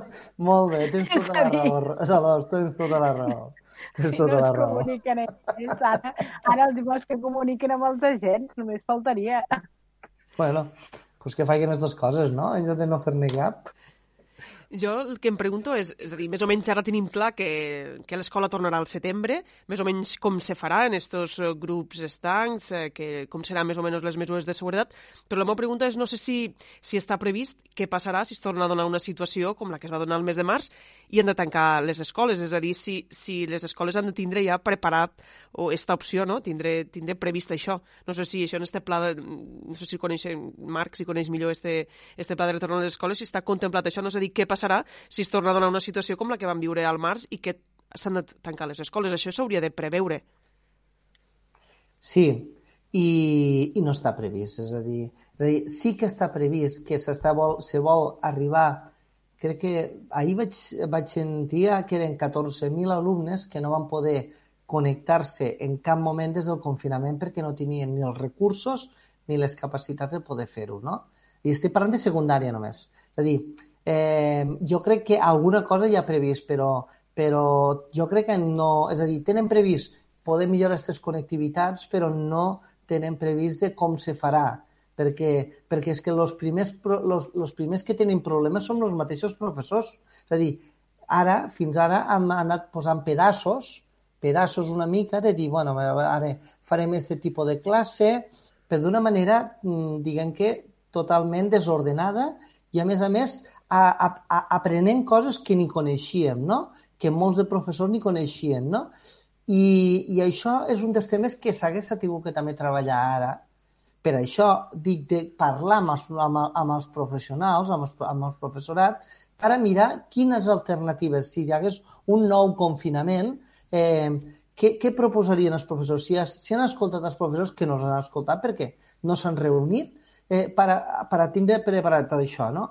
Jo crec que, crec que hi havia 35 milions d'euros per a poder fer este pla de digitalització, però jo, per exemple, el meu cas, jo sóc professor d'història, eh, jo ara, fins ara, durant aquest últim trimestre, m'he tingut que buscar la vida, buscant vídeos per internet, fe, creant activitats a partir dels llibres o a partir d'activitats que busques per internet. Això, temporalment, se pot fer, però jo crec que eh, s'hauria de planificar molt millor i, no s'ha planificat. Sí, eh, jo penso que la situació que es va donar al març de contagis massius, això no tornarà a passar. Eh? Estic, bueno, tinc l'esperança de que no, no tornarà a passar. Primer, perquè ja tots som coneixedors de la, de la problemàtica, qui més, qui menys. No vol dir que hi hagi gent que se faci pel forro les recomanacions, eh? però, però la gran majoria de la gent les, les respecta. Eh? No assistim a actes massius, ens rentem les mans moltíssim més que abans, portem mascareta, o sea, jo penso que és realment difícil que se torni a donar una situació com la que teníem al clar, en aquell moment no teníem consciència de res i bueno, fèiem vida normal, anàvem als camps de futbol, anàvem als concerts i pues, bueno, nos vam trobar el que ens vam trobar. Eh, que diu Mar és cert, eh, passar d'un sistema d'ensenyament mm, a un altre bastant radicalment diferent, pues, clar, no lo pots fer d'un dia per l'altre. Això necessita una transició que no l'hem tingut, eh, tant per part dels professors com per part dels alumnes, com per part dels pares també. O sigui, tots han de posar el seu granet de sorra per a que aquell alumne que anava de matí a classe i te desentenies i bueno, lo tenien allí eh, fent classes els professors, luego tornava a fer una sèrie de deures. Tot això canvia. Ara eh, l'alumne està a casa, rep unes, eh, uns inputs dels professors, ha de treballar pel seu compte, els pares han d'estar més al damunt. Clar, no, no, es pot canvi, no es pot canviar la manera de treballar eh, de segles d'un dia per l'altre. No? Això requereix eh, un canvi cultural. Per tant, mm, espero, ja t'he dit, espero que no tornarem a, a la situació del març. Per tant, estic convençut de que no, ser, no serà necessari tancar les aules. Pot passar que hi hagi rebrots, que és el que està passant ara. Pues, bueno, hi ha un rebrot a tal ciutat, eh, pues s'ha de fer un tancament temporal de l'escola, d'acord, però no totes les escoles de, tots, de totes les comarques, de tots els pobles de Catalunya. És la meva, la meva intuïció, eh? potser m'equivoco, espero que no. Dolors, no et sentim. Jo crec que aquesta és una de les qüestions, no? Les, els canvis de treball que hem hagut de fer. Tota aquesta nova situació ens ha plantejat, eh? el professorat, el personal, els pares, a les mares, s'han hagut de repensar les feines que veníem fent. Els professors no tenien les metodologies pensades per fer-les en un entorn digital, els alumnes no estan acostumats a utilitzar els entorns digitals, els pares no tenen eh, el d'això, els recursos digitals, és veritat, eh, i ho veiem amb els més petits de cada casa, veiem eh, que utilitzen gairebé els mòbils amb una sensació de ser nadiu, eh, el que diuen nadius digitals, utilitzen els mòbils amb més facilitat que qualsevol de nosaltres, perquè han nascut amb aquesta, amb aquesta situació. El professorat no està acostumat, l'alumne no està acostumat, i a més hi afegim que la situació econòmica de totes les famílies no els hi permet a tothom disposar de les eines necessàries perquè tots els seus fills tinguin un ordinador, un espai destinat al treball, no tenen aquestes rutines i això dificulta també l'aprenentatge. Jo crec que aquí és on hem de demanar que es facin bé les coses. És a dir, els aprenentatges dels alumnes no han de quedar afectats perquè hi hagi hagut una crisi en aquest cas sanitària, perquè què passarà amb aquest personal si donem un curs més? És dir, hem acabat aquest curs com hem pogut, amb una espardenya, amb una sabata, depenent dels recursos de cadascú, han pogut fer. Però el curs que ve serà tot el curs. No seran dos mesos o tres mesos, serà tot un curs. Per tant, el plantejament, i aquí sí que um, jo crec que el departament no ha fet els deures, no s'ha plantejat en com farem un curs eh, en què hi haurà un ensenyament digital, per una banda, i un ensenyament presencial. Perquè què pensem? Que això s'acabarà i ja no utilitzarem mai més els sistemes digitals? No, home, no. Això quan arriba ve per quedar-se. Aprofitem aquest repte per canviar i per fer aquest aprenentatge. A mi, jo crec que aquí és on s'ha de fer l'esforç, com tot, els, tot el personal, eh? totes les treballadors hem de fer aquest canvi de treballar amb unes noves formes de treball, també els ensenyament, el personal, tothom ha de fer aquest tema. Quan jo que vinc de l'administració local no, i tothom parlava del canvi digital, de l'administració electrònica, això és que fa dos mesos abans del, de la pandèmia tothom s'ho prenia a cachondeo. És a dir, aquest país portem lleis i lleis que diuen administracions electròniques i no s'hi han posat mai. I ara tothom et corre a veure per què no funcionem tots digitalment. Home, és que les coses no es fan d'un dia per l'altre. Els professors, si no han après unes metodologies de formació digital, no podran fer-ho amb els alumnes. Els alumnes, si no els hi hem ensenyat, no ho sabran fer. Els pares, si no tenen aquests coneixements mínims, no podran ajudar. Clar, és tota una situació que no estem acostumats i molts no estem ni conscienciats. Sí que ens acostumem a posar la mascareta, els guants, el gel i tal, però jo crec que la gent es pensa que això tornarà a ser com abans. I aquí és el canvi, en què les formes de treballar, les formes d'aprenentatge seran diferents. I aquest canvi per molt temps que estiguem a casa, o comencem a treballar-hi tots o tindrem aquest problema. Marc? Tens el micro tancat, no et sentim. No, no, que totalment d'acord. Vull dir, a veure, és, és que el que estem dient és a dir, no s'ha format, és a dir, jo crec que, per exemple, un pla de formació s'hauria d'haver s'hauria d'haver inclòs en, en, aquí, en aquest sistema, no? I no, sé, no se'n parla de, de formar el professorat. És a dir, no, no s'informa de... No, no, se parla de coses molt generals, que jo estic d'acord que són coses generals, però també és que hi ha coses que aquí patinem molt i a veure com en sortim. Vull dir que no estic d'acord amb, amb Dolors. I el problema està amb la, amb la fractura que farem un altre cop social, eh? de la gent que té recursos, que les seves escoles tenen recursos i que poden dedicar-hi, i a les escoles que, bé siguin públiques o privades, no tenen recursos i no s'hi poden dedicar. Compte aquí perquè tornarem a fer una educació no igual per tothom, eh? I aquest és el gran repte del món de l'educació, que si tu tens diners tinguis una educació amb tots els nivells i si no en tens et puguis quedar sense aquesta formació. Això que havíem valorat tant, eh, com el sistema educatiu igualitari, allí on tothom era igual aprenent, ho estem a punt de perdre si no som capaços de fer aquest canvi i de veure quins són els recursos que tothom necessita i fer-los accessibles a tothom. I a mi això em preocupa gairebé més que els grups d'estancs, que si grups de 20, de 20 o de 30, que l'aprenentatge sigui igual i que no sigui la, el primer obstacle per ser eh, diferents i per no tenir oportunitats. Perquè el que estem patllant és per la societat del futur.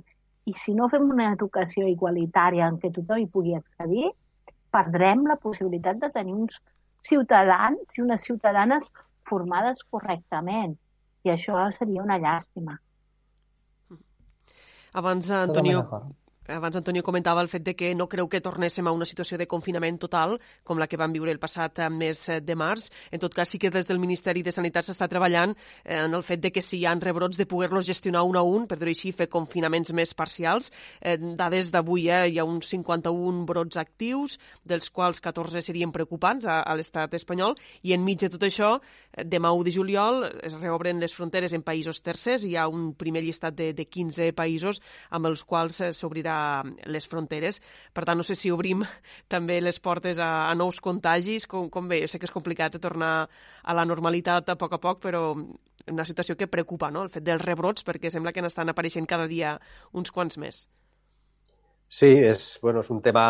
Eh, no és el mateix que el de l'ensenyament, però, clar, eh, hem de recordar que Espanya, i Espanya, Catalunya, sobretot, igual que Balears, igual que Canàries, eh, el turisme representa pues, 15, un 20% de, del PIB. Són molts de diners que ingressen, ingressem cada any a través de la gent que ve de fora. Eh, ja de per si serà complicat eh, arribar als nivells d'anys anteriors, que cada any veníem batent el rècord de, de visitants. Enguany no farem ni la meitat, ni la tercera part, ni la quarta. Això significa una reducció d'ingressos brutal. Entonces, clar, suposo que volen donar passos per a, per a que la gent vagi començant a agafar confiança, però el risc és que nos vindrà gent d'altres països que pot, pot transportar el virus d'un lloc a un altre o, a lo millor, o al revés, eh? o a lo millor vindre aquí sants i, i marxar per al seu país eh, contagiats. O sigui, no sabem exactament què passarà. Però no ens podem quedar aïllats de per vida. Tenim que començar a donar passos i a experimentar i veure fins on podem arribar i és un, és una, un sistema de, de, de prova i, i fallo. No? Anem provant, eh, veiem que tenim problemes, eh, tirem marxa atrás una mica, tornem a intentar-ho. Encara tenim problemes? Tornem a recular. I hem de continuar així perquè, clar, si no, l'alternativa és pues, bueno, un paron absolut de l'economia i la catàstrofe que vindrà després, o que està venint ja, de gent que ha perdut la feina, la crisi humanitària i social que tindrem serà, encara pitjor. Jo, jo eh, estic totalment d'acord amb tu. Eh? És a dir, primera que no, no ens podem aturar, perquè no hi ha data de, de dir, mira, és que a partir de l'1 de juliol ja no tindrem coronavirus i ja podem moure-nos. És a dir, fins que no hi hagi una vacuna no, podrem, no, no, hi haurà, no hi haurà solució, per una banda. I segona, que jo, per exemple, vaig estar ara, aquests dies, he estat de, fent vacances a, a l'Empordà i, per exemple, parlava amb la gent d'allà dalt i estan, per exemple, esperant en candeletes que vingui el turisme francès, per exemple perquè la majoria de gent estava venint que era d'aquí, no? Diu, el turisme d'aquí sí que s'està reactivant, però el turisme francès, que el necessiten, no el tenen. No el tenen. Jo crec que sí que hi ha un moment i, i la nostra de, macrodependència del turisme és important, encara que a vegades ho vulguem minimitzar i no cal anar a, a aquella zona, és a dir, a les nostres terres, la, la, la majoria de, de restaurants de costa, la majoria de restaurants que hi ha a, al nostre territori que, i hotels, és a dir, viuen del turisme, és a dir, no sé, és, què, què hauríem de fer, no? Dolors. Jo crec, jo crec que s'ha de, de revifar, no? És, la normalitat consisteix en tornar a fer allò que, que veníem fent. I, per tant, jo crec que um, no ens podem deixar perdre. És veritat que el sector turístic és molt important per a la nostra economia, com la resta dels sectors i és, és vital que es revitalitzi. Eh? Les nostres terres som dependents eh, del turisme i en molts municipis eh, de, de la costa que depenen eh, dels ingressos que faran i, per tant, d'alguna manera s'ha revitalitzar. Si és aquesta la manera de fer-ho o no, és evident que tancats no ho arreglarem. És a dir, necessitem començar a sortir i acceptar eh, que hem de conviure amb la possibilitat de, de tenir aquesta malaltia. I això jo crec que és el tema que no tenim, saps? Eh, no la tenim interioritzada. Tots pensem que aquesta malaltia no la passarem. I, bueno, el que hem de començar a pensar és que hem d'intentar que si l'agafem no sigui forta, val? i que sobretot cuidar aquells que mm, tenen més riscos si agafen aquesta malaltia. Aquest és el, per mi jo crec que és el problema de, de no pensar que, bueno, en un moment o un altre tindrem la malaltia, perquè quan tinguem la vacuna, llavors tindrem una altra discussió. Mm, tothom se l'ha de posar aquesta vacuna i si hi ha una, alguna persona que no se la vol posar, com obligarem una persona a posar-se una vacuna? Si ja amb les vacunes que es posen amb, les, amb els nens tenim una gran discussió. Per tant, acceptem eh, que la malaltia ha vingut per quedar-se i hem de conviure amb ella amb totes les mesures que, que corresponguin. I això fa que el turisme hagi d'aprendre, potser serviria, o seria un moment, eh, també per replantejar-se i que hi hagi un turisme de qualitat. El que deia Marc, eh, la gent està buscant llocs amb qualitat, amb, que no hi hagin grans quantitats de persones. Eh? Deien les dades del turisme rural del pont de Sant Joan eh, denotaven ja això, no? que la gent busca pues, cases rurals, cases que puguis controlar l'entorn, que no estigui compartit. Bé, aprofitem-nos i aquí jo crec que les Terres de l'Ebre hi hem de fer feina, perquè és el tipus de turisme que nosaltres tenim i oferim. Eh? És el turisme de qualitat, de, de serveis de proximitat, de no massificacions.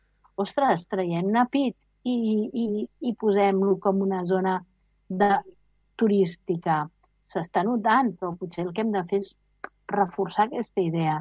El turisme sí, amb condicions, bueno, què, què és el que ens espera? Quan veiem les multituds, no?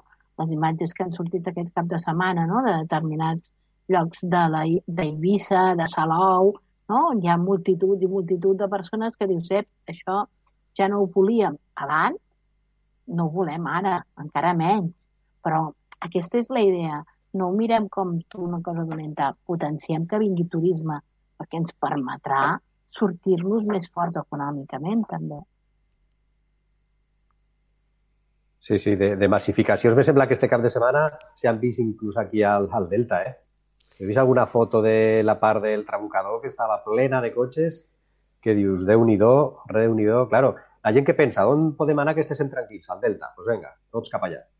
I me penso que lo tenien ple que en certa manera ja va bé, perquè tota la gent que ha patit durant aquests tres mesos eh, restaurants, hotels tancats, doncs, bueno, és una manera de, de sortir endavant, però això vol dir que nos vindrà molta gent de fora i ja veurem.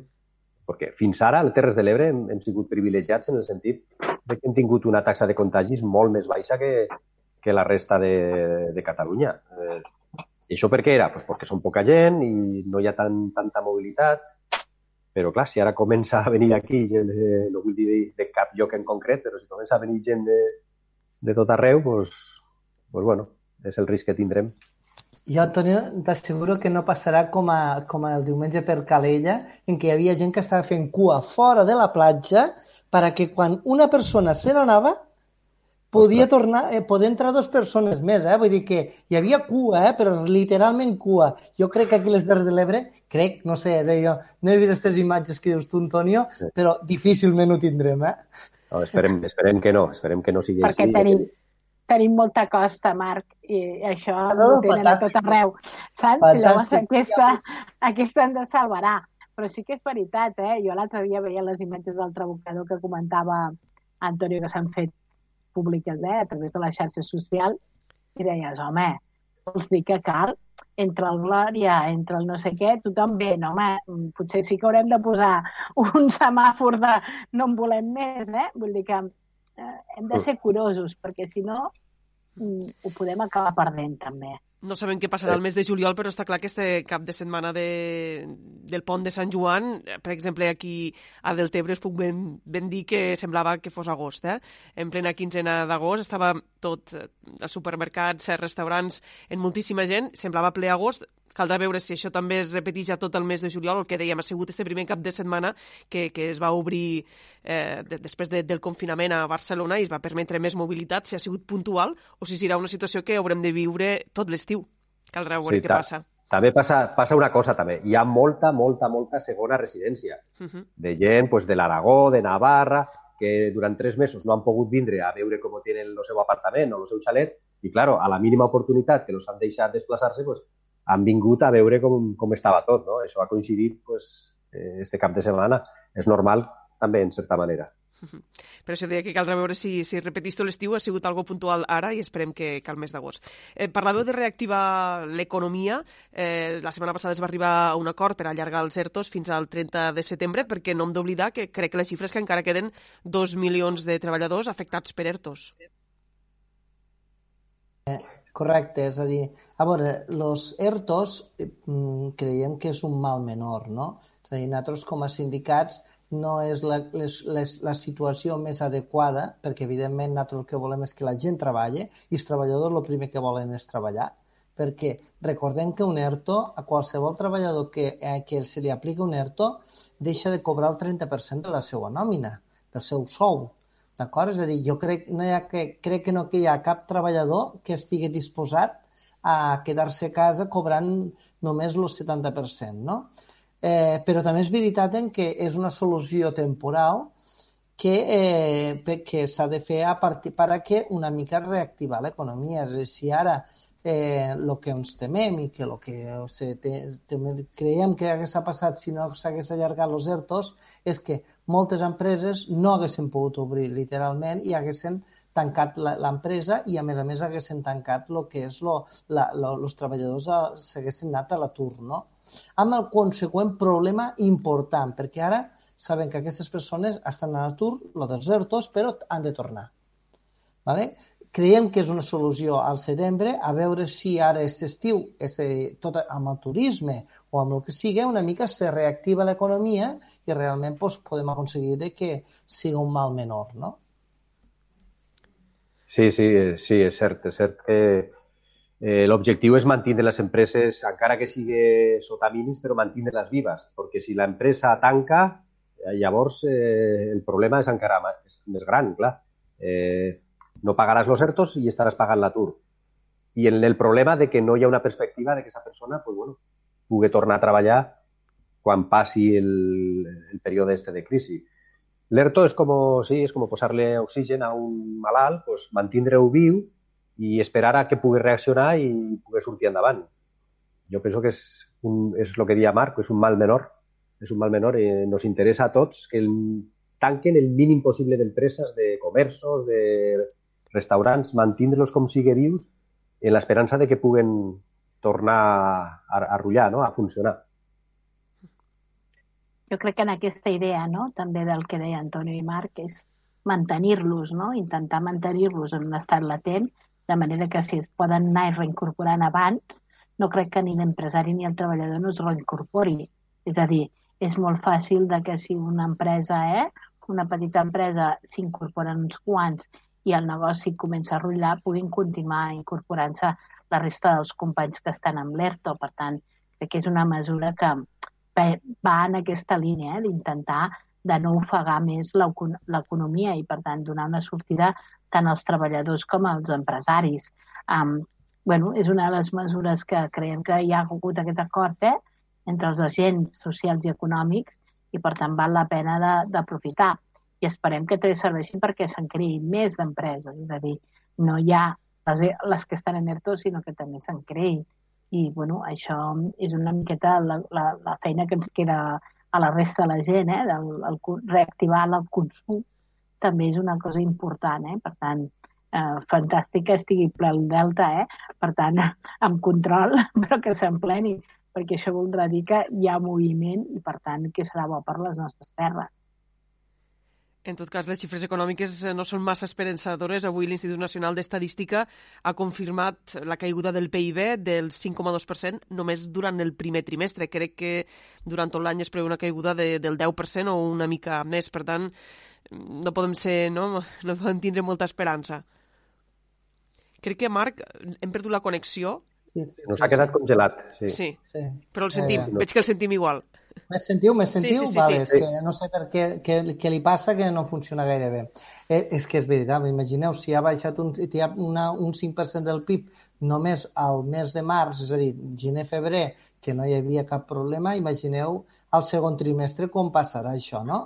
Eh, la veritat és que, bueno, és a dir, és moment de...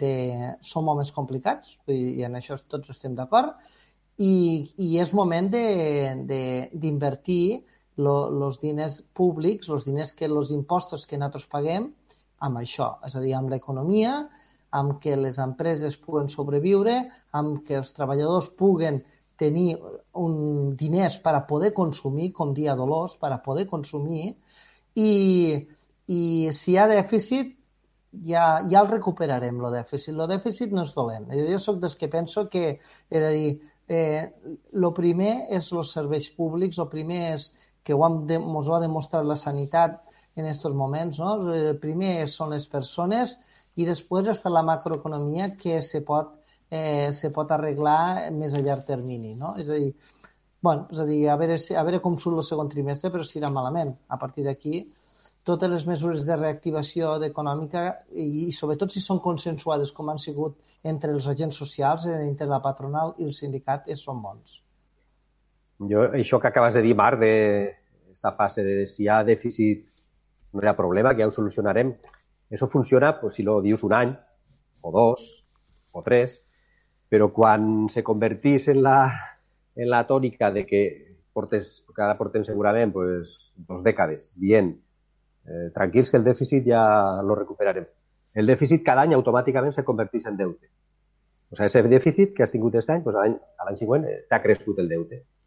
Eh, no cal que us digui que estem en un bilió, un bilió coma tres d'euros, que és un bilió són mil, un milió de milions, un milió de milions d'euros. Això és el que devem. O sigui, és com si pràcticament és el producte interior brut d'un any. Treballar tots els que treballem eh, durant un any, tots els serveis, totes les empreses, tots eh, hospitals, eh, absolutament tot durant un any per a pagar el deute. Eh, és, un, és un deute brutal.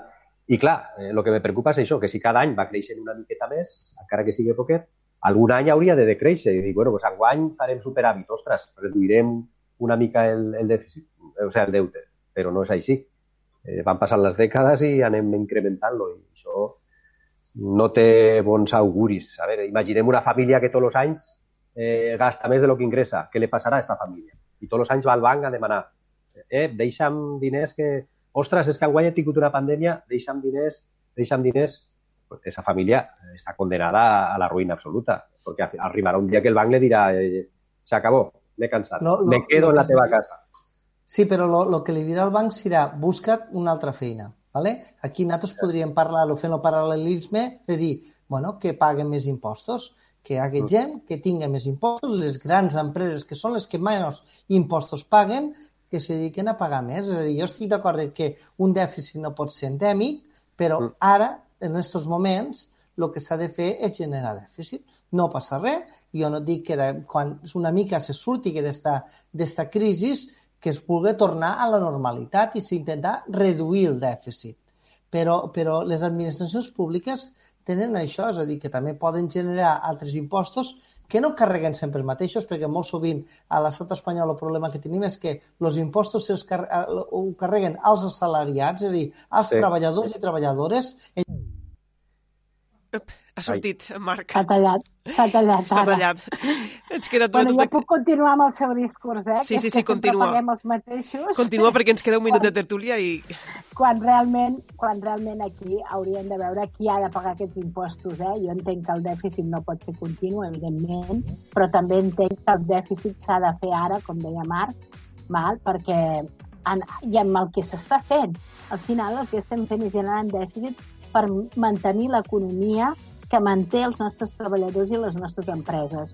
Jo crec que hem hagut en determinats moments, s'ha portat diners, eh? per exemple, les entitats bancàries, que aquestes cada any eh, presenten recursos molt importants de diners i al final no ens en tornen cap. I, per tant, potser ara és el moment que comencin a tornar diners als bancs. I aquí és on hem de fer Marc, he seguit una miqueta sí. el teu discurs, eh? perquè aquest és el tema. Ho sento, però, vist. Però és el tema que, que, que ens preocupa. Dèficit sí, per serveis públics com la sanitat, com l'educació, com per mantenir les nostres empreses i els nostres treballadors, el dèficit no per altres coses. Deixem aquí la tertúlia, no, no tenim temps per a res més. Ha tornat Marc, ni que sigui per a despedir-se. Gràcies no, als tres, Dolors, Marc i Antonio, per ser avui a la nostra tertúlia i fins a la pròxima. Molt Gràcies a vosaltres. Adéu. Adéu. Adéu. I als nostres oients recordar-los que tornem demà al dia Terres de l'Ebre amb tota l'actualitat a partir de la una del migdia.